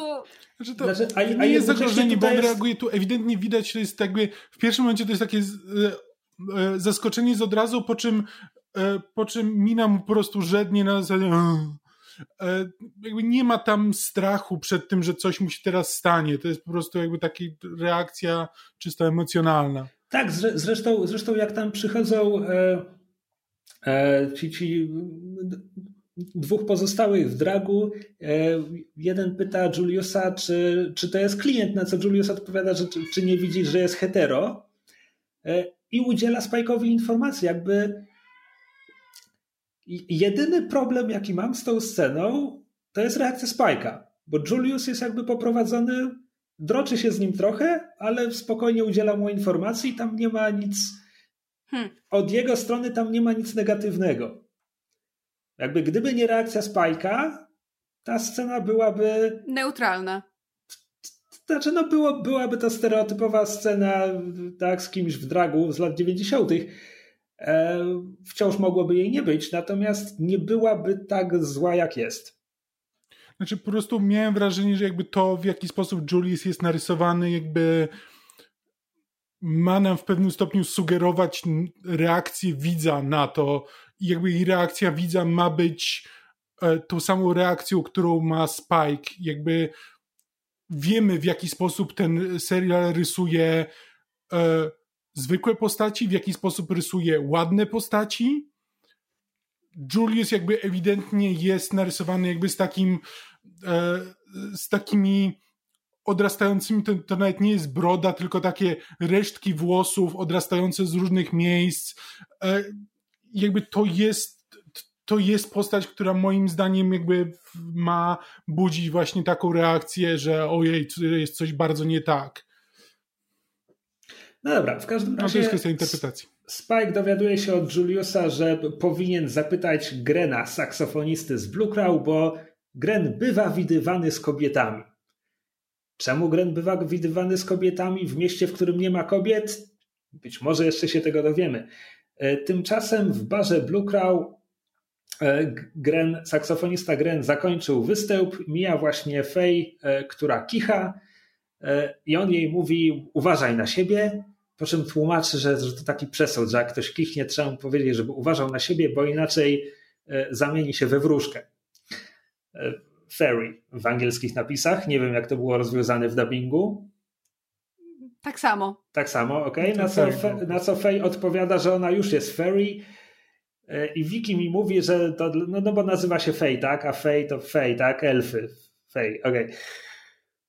Okay. Jestem ciekaw, co tam jest po japońsku. No właśnie, bo to bo tak jeśli... to się nie zgrywa. Tak, tak. No w każdym razie E, nawiązują, nawiązują e, krótką rozmowę. E, aha, bo, bo Fej zastanawia się, czy może, czy może Gren chciałby ją poderwać. Gren zapewnia ją, że nie, nie interesują go kobiety, ale ostrzega ją, że innych klientów baru jakby mogą. No i tutaj jest kamera, przesuwa się po takich. E, Typach z... spod ciemnej gwiazdy. Tak, tak, którzy widzą jedyną kobietę w mieście. E, no ale Fej jakby ignoruje jego ostrzeżenie, mówi tylko, że potrafi e, o siebie zadbać i wychodzi. E, I może pociągnę ten wątek. Tutaj Wiki mi mówi, że tutaj jest przebitka potem na Spike, ale pociągnijmy ten wątek, bo Fej po prostu wychodzi. Na faceci z podciemnej gwiazdy e, poszli za nią, przydobują ją w jakimś zaułku i Fej naciąga rękawiczki, mówiąc, że nie chce sobie tam połamać paznokci E, i wszczyna rozróbę, bo ona po prostu miała ochotę się z kimś pobić. Czy to jest pierwsza scena akcji, w której widzimy Fej walczącą wręcz? Tak mi się wydaje. Znaczy, e... byłem jakby może zaskoczony to za duże słowo, ale jakby miałem takie, że okej, okay. Jestem tak, no, ciekaw, no, w jaki tutaj... sposób Fej walczy. E, I ewidentnie jest narysowana właśnie jak, jak, e, no, jak Spike, tak? Znaczy zadaje takie wysokie kopnięcie, to ewidentnie są sztuki walki i tak dalej. E, ale w tym momencie e, inny zbir obrywa futerałem z saksofonem, ponieważ Gren zjawił się w tym zaułku. Kompletnie nie wyłapał aluzji Fej, że ona chciała tutaj pobić tych wszystkich ludzi, łapie ją za rękę i zaczyna z nią uciekać. E, tymczasem Spike rozpytuje za Grenem, i w pewnym momencie zaczepia człowieka w uszance. W ogóle dodajmy tutaj w tle jest sporo cyrylicy na ulicach i, i tak dalej. Z jakiegoś powodu to miasto jest dość rosyjskie. Tak. E, a na dodatek jest tutaj zimno i śnieg i w ogóle i Spike na swój garniak narzucił taką puchową, puchową ciemnoróżową kurtkę. Tak, a z kolei Faye, mimo że zarzuciła kurteczkę na swój kostiumik, to nadal paroduje z gołymi gicami ja tylko zaczęłam krzyczeć, gdzie to dziecko ma czapeczkę, zaraz sobie nerki przeziębisz, idiotko. Tak, w każdym razie Spike y, wypytuje człowieka w uszance, pyta go o Grena, tamten mówi, że nie ma pojęcia.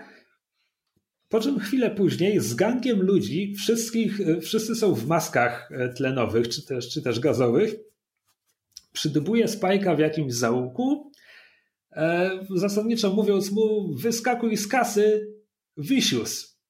I to jest kolejne słowo, które uruchamia Spajka, bo, tak, bo wzięty, wzięty za Viciousa rzuca się na ten gang i w pojedynkę jakby demoluje. Krzycząc, ja wam pokażę, jaki potrafi być Vicious.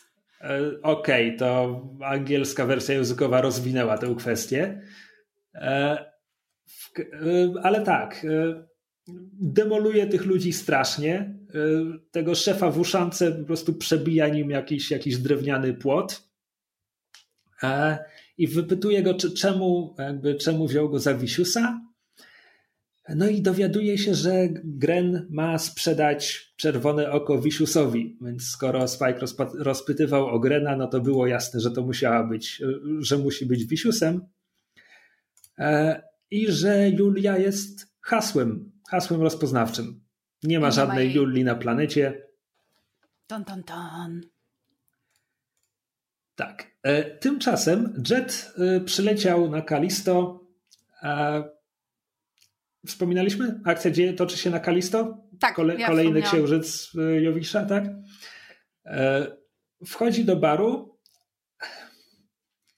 Nie rozumiem sceny, w której zamawia drinka cowboy i w związku z tym barman bierze go za łowcę nagród. Ale tak się dzieje. A zbiegiem okoliczności jest tutaj telewizor, w którym leci e, program informacyjny dla łowców nagród. Może pamiętacie, w pierwszym odcinku zacząłem mówić, że chciałem się podzielić ciekawostką, a potem przypomniałem sobie, że nie sprawdziłem, czy to jest prawda i stwierdziłem, że nie będę prowadzał dezinformacji. Jeśli nie pamiętacie, to tylko mówię, że tak było. E, właśnie o to mi chodziło, że prowadzący tego programu to są Punch i Judy, czyli postaci z brytyjskiej czy angielskiej pantomimy. Tak. Mm. E, tak, no i e, z, z, Big Bang Show Jet się dowiaduje, że jest. Big Shot. Big Shot, tak. E, Big Bang Theory, nie? tak, tak, dokładnie. Crossover. Z Big Shota Jet się dowiaduje, że jest wysoka nagroda za Grena. Czy raczej, jak tutaj jest jego pełne imię podane? Grencja Mars Elijah Guo Ekener. Właśnie. Gesundheit. E, jest bardzo ładna scena, w której Jet wyciąga z zapazuchy radio, taki podekscytowany, żednie mu mina i je, i je odkłada, bo jakby nie ma do kogo zadzwonić, nie ma z kim podzielić się tą informacją. Fej go zdradziła, z Spike'iem właśnie się pożarł, jest tu kompletnie sam, więc tylko się wścieka i mówi barmanowi, hej, wyłącz to, na co barman wyłącza telewizor, po czym go pociesza, że hej, spokojnie, spokojnie, tak, tak, tamten gość to glina, ale spokojnie, tutaj my wszyscy się tutaj chowamy, nie ma problemu. E, na, za mnie też jest nagroda, wyluzuj. I Jet, Jet, muszę powiedzieć, jest uroczo oburzony tym, że ktoś go wziął za osobę poszukiwaną. Tak, to, to jest bardzo ładna scena. Weszło mu to na ambicje. E, a w międzyczasie e, przenosimy się do apartamentu Grena, gdzie, gdzie Gren i Faye rozmawiają o życiu i nie tylko. E, biedna Faye przemoczona do, do suchej nitki, smarka i kicha co chwila. E, tak, i e, czy, czy Gren zostaje jej best gay friendem? Jakby Faye otwiera przed nim serce tak jak przed nikim na pokładzie Bebopa. Trochę tak, zaskakująco szybko do tego dochodzi. Znaczy, znaczy ona w grę wchodzi też mówi, alkohol. Że... On, ona była już bardzo urżnięta w tym barze, a Gren tutaj też jej coś polał. Też prawda. Znaczy, ale ona dosłownie mówi, że jakby poszła z nim, że e, bo powiedział, że nie jest zainteresowany kobietami. I jakby hmm. on pyta, dlaczego poszłaś? Nie mam dokąd pójść, tak łatwo mi zaufałaś, nie interesują cię kobiety. I on tam jej odpowiada wtedy, że no, ale przecież mógłbym cię okraść i zabić i tak dalej. No ale zaczynają rozmawiać. No ale jakby ewidentnie to jest... Co wzbudza zaufanie. To jest dla Faye gay best friend na zasadzie, że nie traktuje go jako typowego faceta, w związku z czym czuje się przy nim bezpiecznie. Yy, tak, no i tutaj um, clue tej rozmowy jest takie, że Faye mówi, że jakby lepiej, lepiej jest być y, samotnie, że ludziom nie można ufać i że dopiero co miała taką ekipę, ale zaczęło im, zaczęło im za bardzo na niej y, zależeć i dlatego ona ich porzuciła, że tak będzie lepiej dla wszystkich.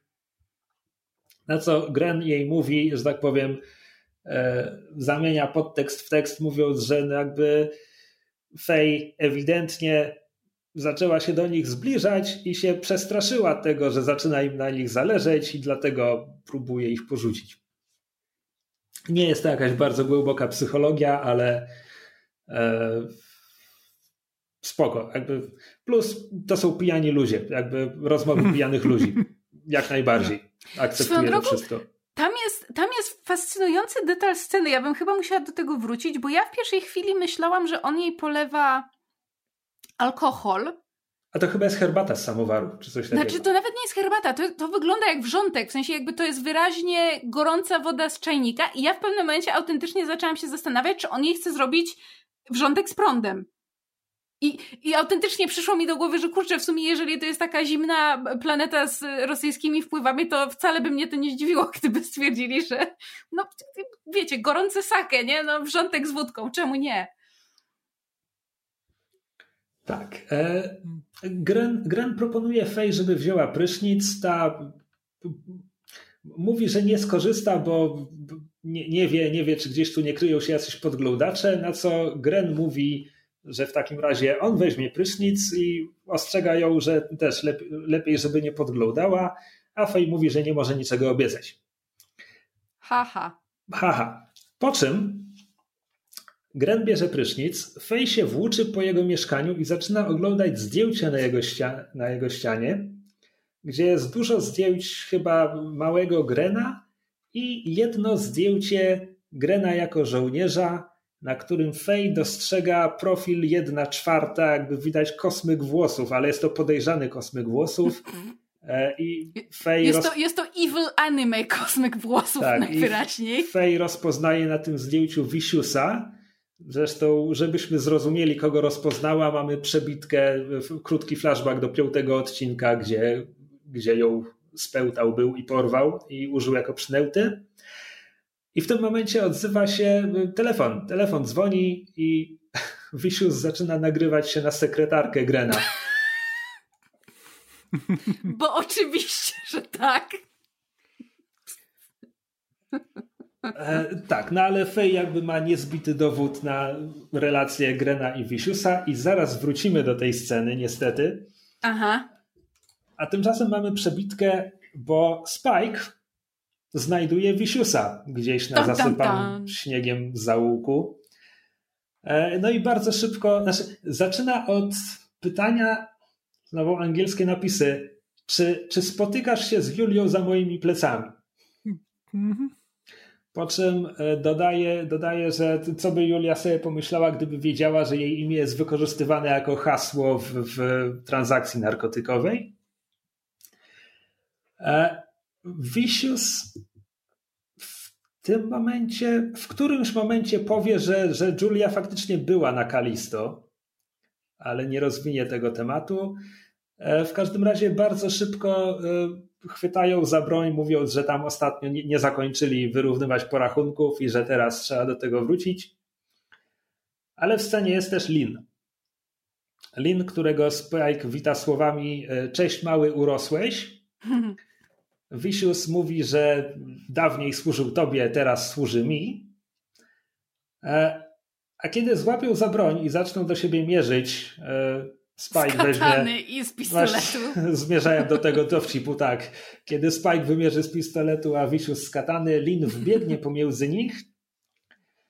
Spike mówi mu, żeby zszedł z linii strzału, ale Lin wyciąga broń, celuje w Spike'a. Spike jeszcze parę razy powie mu, żeby tamten zszedł z linii strzału, a Lin pociągnie za spust i postrzeli Spike'a. Właśnie postrzeli, bo jakby Spike pada do tyłu w śnieg i widzimy odjeżdżającą kamerę i przez dłuższy moment widzimy jego ciało. Tam nigdzie nie ma czerwieni. E, no tak, nie wiemy do końca, co się stało. W każdym razie Vicious pogardliwie spogląda na Spike'a i po prostu odchodzi. I to jest koniec tego wątku w tym odcinku. Przypominam, to jest dwuodcinkowa historia, tak? Jupiter Jazz Part 1. Także ten stan zawieszenia jest, jest oczywisty. E, to w ogóle jest ostatnie ujęcie odcinka. Ale teraz wróćmy do tego, co się dzieje w mieszkaniu e, Grena. Bo Fej z bronią wchodzi do łazienki, gdzie Gren stoi pod prysznicem za zasłonką.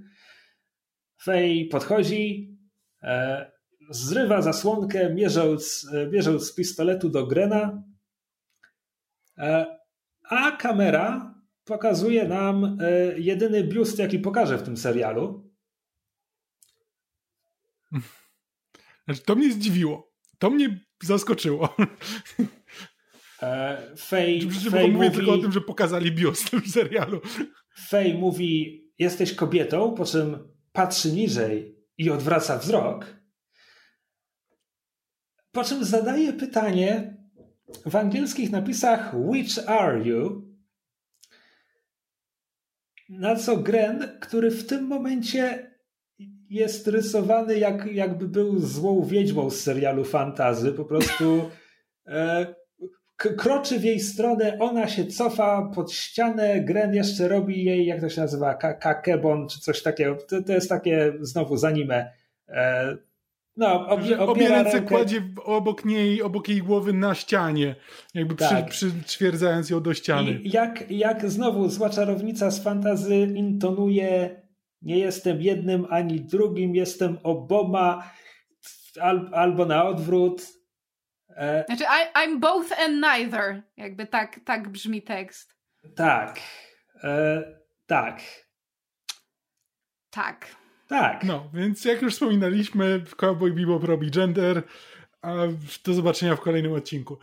Znaczy... na razie nie jestem w stanie powiedzieć, nie mam pojęcia do czego to dąży, i co oni właściwie próbują tutaj zrobić. Znaczy, mogę, nie chcę tego komentować, bo nie umiem. Mogę wam powiedzieć to, jak to zapamiętałem 20 lat temu, albo możemy po prostu urwać i wrócimy, wrócimy za tydzień, jak już obejrzymy następny odcinek i dowiemy się, co, co jest naprawdę, a nie co wydaje mi się, że zapamiętałem. Nie, ja byłbym ciekaw jakby z tego, co ty pamiętasz. No. Okej, okay, więc z tego, co pamiętam, tylko że ni cholery nie pasuje do tej, do tej jego groźnej intonacji tutaj, z tego, co pamiętam, Gren był żołnierzem na Tytanie i tym, tych żołnierzy faszerowano jakimiś lekami i hormonami. I jemu mm -hmm. biust. I to jest wszystko. Jest, jest jak ta postać z Fight Club, a nie, a nie demoniczny, mm -hmm. wymykający się podziałom płciowym czarnoksiężnik, którym jest w, tym, w tej scenie. Jakby w, w tej scenie on jest absurdalnie złowrogo zaprezentowany. Znaczy, ponieważ ja doczytałam pewne rzeczy o, o postaci Grena A, ty już doczytałeś. Źle pamiętam coś? Wikipedii. Nie, bardzo dobrze pamiętasz, ale w związku z jakby z tym, jak historia Grena jest zarysowana, a, a jakie tam są jeszcze dodatkowo szczegóły, jak to będzie wybrzmiewało, w, zakładam, w kolejnym odcinku, e, myślę, że do tematu wrócimy, bo wydaje mi się, że twórcy tutaj albo nie do końca znaczy, jeśli wiedzą, chcesz powiedzieć, że nie wiedzą, robią. co robią, to jak najbardziej. Znaczy, tak i nie, w sensie jestem ciekawa, czy oni czy oni nie wiedzieli, co robią, czy to jest sytuacja, chcemy zjeść ciastko i mieć ciastko. Bo pewne rzeczy, które, które wynikają jakby z, z, z, kreacji Grena, moim zdaniem się kłócą z tym, jakiego backstory jest zaprezentowane. Ale o tym szerzej będziemy mówić w kolejnym odcinku. Tu macie taki tak, jakby, z, te, teaser. Z tego, co pamiętam, y, Jupiter Jazz, część druga jakby wchodzi bardzo szczegółowo w historię Grena. Jakby okay. on, on jest kluczową postacią tych dwóch odcinków. No dobra, no to nie mówmy już nic więcej. E, więc może e, tylko bardzo ogólnie. E, ja naprawdę lubię ten odcinek, pomijając, pomijając kwestie genderowe, tak? Jeśli zapomnimy hmm. na moment o spotkaniu Spajka e, z, z drag queenami i o Jasne. scenie z prysznica, bardzo lubię atmosferę tego odcinka, bardzo lubię tę muzykę. Melancholia jest tu podkręcona pod, pod sufit. I to mi się podoba. Jak obejrzę drugi odcinek i jakby przypomnę sobie, co, ten, co ta historia właściwie robi z Grenem i Genderem, to wtedy będę to krytykował, a na razie powiedzmy, że uwierzę. Znaczy... Nie, nie wiem, czemu uwierzę. Na razie będę się łudził, że, że to będzie do odratowania. E, Znaczy nie, ja się, ja się jakby z tym zgadzam. To jest... E... Znaczy, okej, okay, mi jest jakby łatwo pominąć te kwestie, bo jakby nie dotykają mnie osobiście, e, więc jakby jestem w stanie sobie wytłumaczyć na zasadzie, to jest 98 rok, widziałem tego typu wątków dużo i jakby wydaje mi się, że Cowboy Bebop podchodzi do tego z dobrymi intencjami. To nie jest jakby. To nie jest coś, że, że oni próbują tutaj, nie wiem, jak kogokolwiek wyśmiewać, czy coś takiego, że jakby autentycznie próbują wchodzić w kwestie płci, tylko że no to się sprowadza trochę do takiego typowego właśnie wojna płci yy, i tutaj faceci są tacy, kobiety są takie, a co jeśli byśmy mieli kogoś, kto jest pomiędzy? I, i jakby niewiele z tego, niewiele z tego wynika ciekawego, no ale zobaczymy. Ej, Virginia Woolf to zrobiła i nikt jej nie kancelował, co? No, no, to, no. Mówię, jakbym ja czytał Orlando, nie czytałem Orlando. W każdym razie... E, znaczy, e, chcę, chcę tylko jeszcze wrócić do, do kwestii e, szczęśliwe zakończenie dziesiątego odcinka. Jet rzuca zegarek, rozstał się w dobrej komitywie z Alicą i tak dalej. E, morał tamtego odcinka, nie żyj przeszłością i tak dalej kontra ten odcinek, gdzie Spike słyszy Julia i po prostu pełdzi na strzał, jak mhm. strzała na inną planetę. Mm. To, to jest jakby to, to, nie jest przypadek, że te dwa odcinki są blisko siebie chyba. A przynajmniej tak to, tak to interpretuję. Miałoby to sens. E, tak jak mówiłem na początku tego odcinka, moim zdaniem to jest rzut trzech bardzo dobrych odcinków, pomijając wątpliwości związane z ostatnim. Znaczy jest... Wy e, nie jesteście tak e, zadowoleni z dziesiątki jak ja. Znaczy, rozmawiając, rozmawiając o tych odcinkach, oceniam je trochę lepiej niż kiedy je oglądałem. Jakby moja reakcja na nie była dosyć nijaka. Rozmawiając o nich, mam takie wrażenie, że okay, jest tutaj trochę więcej, tylko że być może po prostu zostaje to w tej warstwie intelektualnej, a jakby emocjonalnie nie wywarło na mnie wielkiego wrażenia. Myszu, jak ty? Bo widzę, że nad czym się zastanawiasz. Uh znaczy, wydaje mi się, że e, tak jak wspomniałam, jedenasty odcinek, czyli Toys and the Attic, e, sam w sobie jest, jest fajny i, i bardzo mi się podobał, ale moim zdaniem pociągnęły go w dół dwa, dwa towarzyszące mu odcinki, które, które żeśmy oglądali, bo Ganymede Elegy jakby mam z nim bardzo wiele problemów um, i, i po prostu nie kupuję tego odcinka um, ani emocjonalnie, ani jakoś tak realizacyjnie. Natomiast Jupiter Jazz wydaje mi się, że staje się lepszy w kontekście swojej drugiej części. Trzeba jednak cały czas pamiętać, że to jest part one i że to jest jakby niekompletne. Um, znaczy teraz, teraz już zgadujesz, czy już doczytałaś tyle na temat part 2, że myślisz, że będzie lepiej? Nie, w sensie zgaduję na takiej zasadzie, że, że to jest pierwsza część dwuczęściowej historii, więc fakt, że dla mnie nie jest nie jest kompletny i nie wybrzmiewa do końca, wynika z tego, że to jest tylko pierwsza część jakby tej, tej konkretnej historii. E, więc jakby staram, staram się tutaj za, zachować swój osąd do, e, do, do, samego tak, końca. Wrócimy do tematu za tydzień. Tak jest. Tak jest. Okej, okay, e, to dziękuję Wam za tę rozmowę, a Wam, drodzy słuchacze, dziękuję za poświęcony nam czas. E, chętnie przywitamy Wasze komentarze, czy to na, pod tym filmem na YouTubie, czy to na fanpage'u podsłuchane.pl na Facebooku. Możecie nam też przysłać maila na kowboje.podsłuchane.pl e, I tyle. Do tak usłyszenia tak za tydzień. Za tydzień omawiamy odcinki 13-15. Tak jest. See you in space. Cowboy. To cześć. To na razie.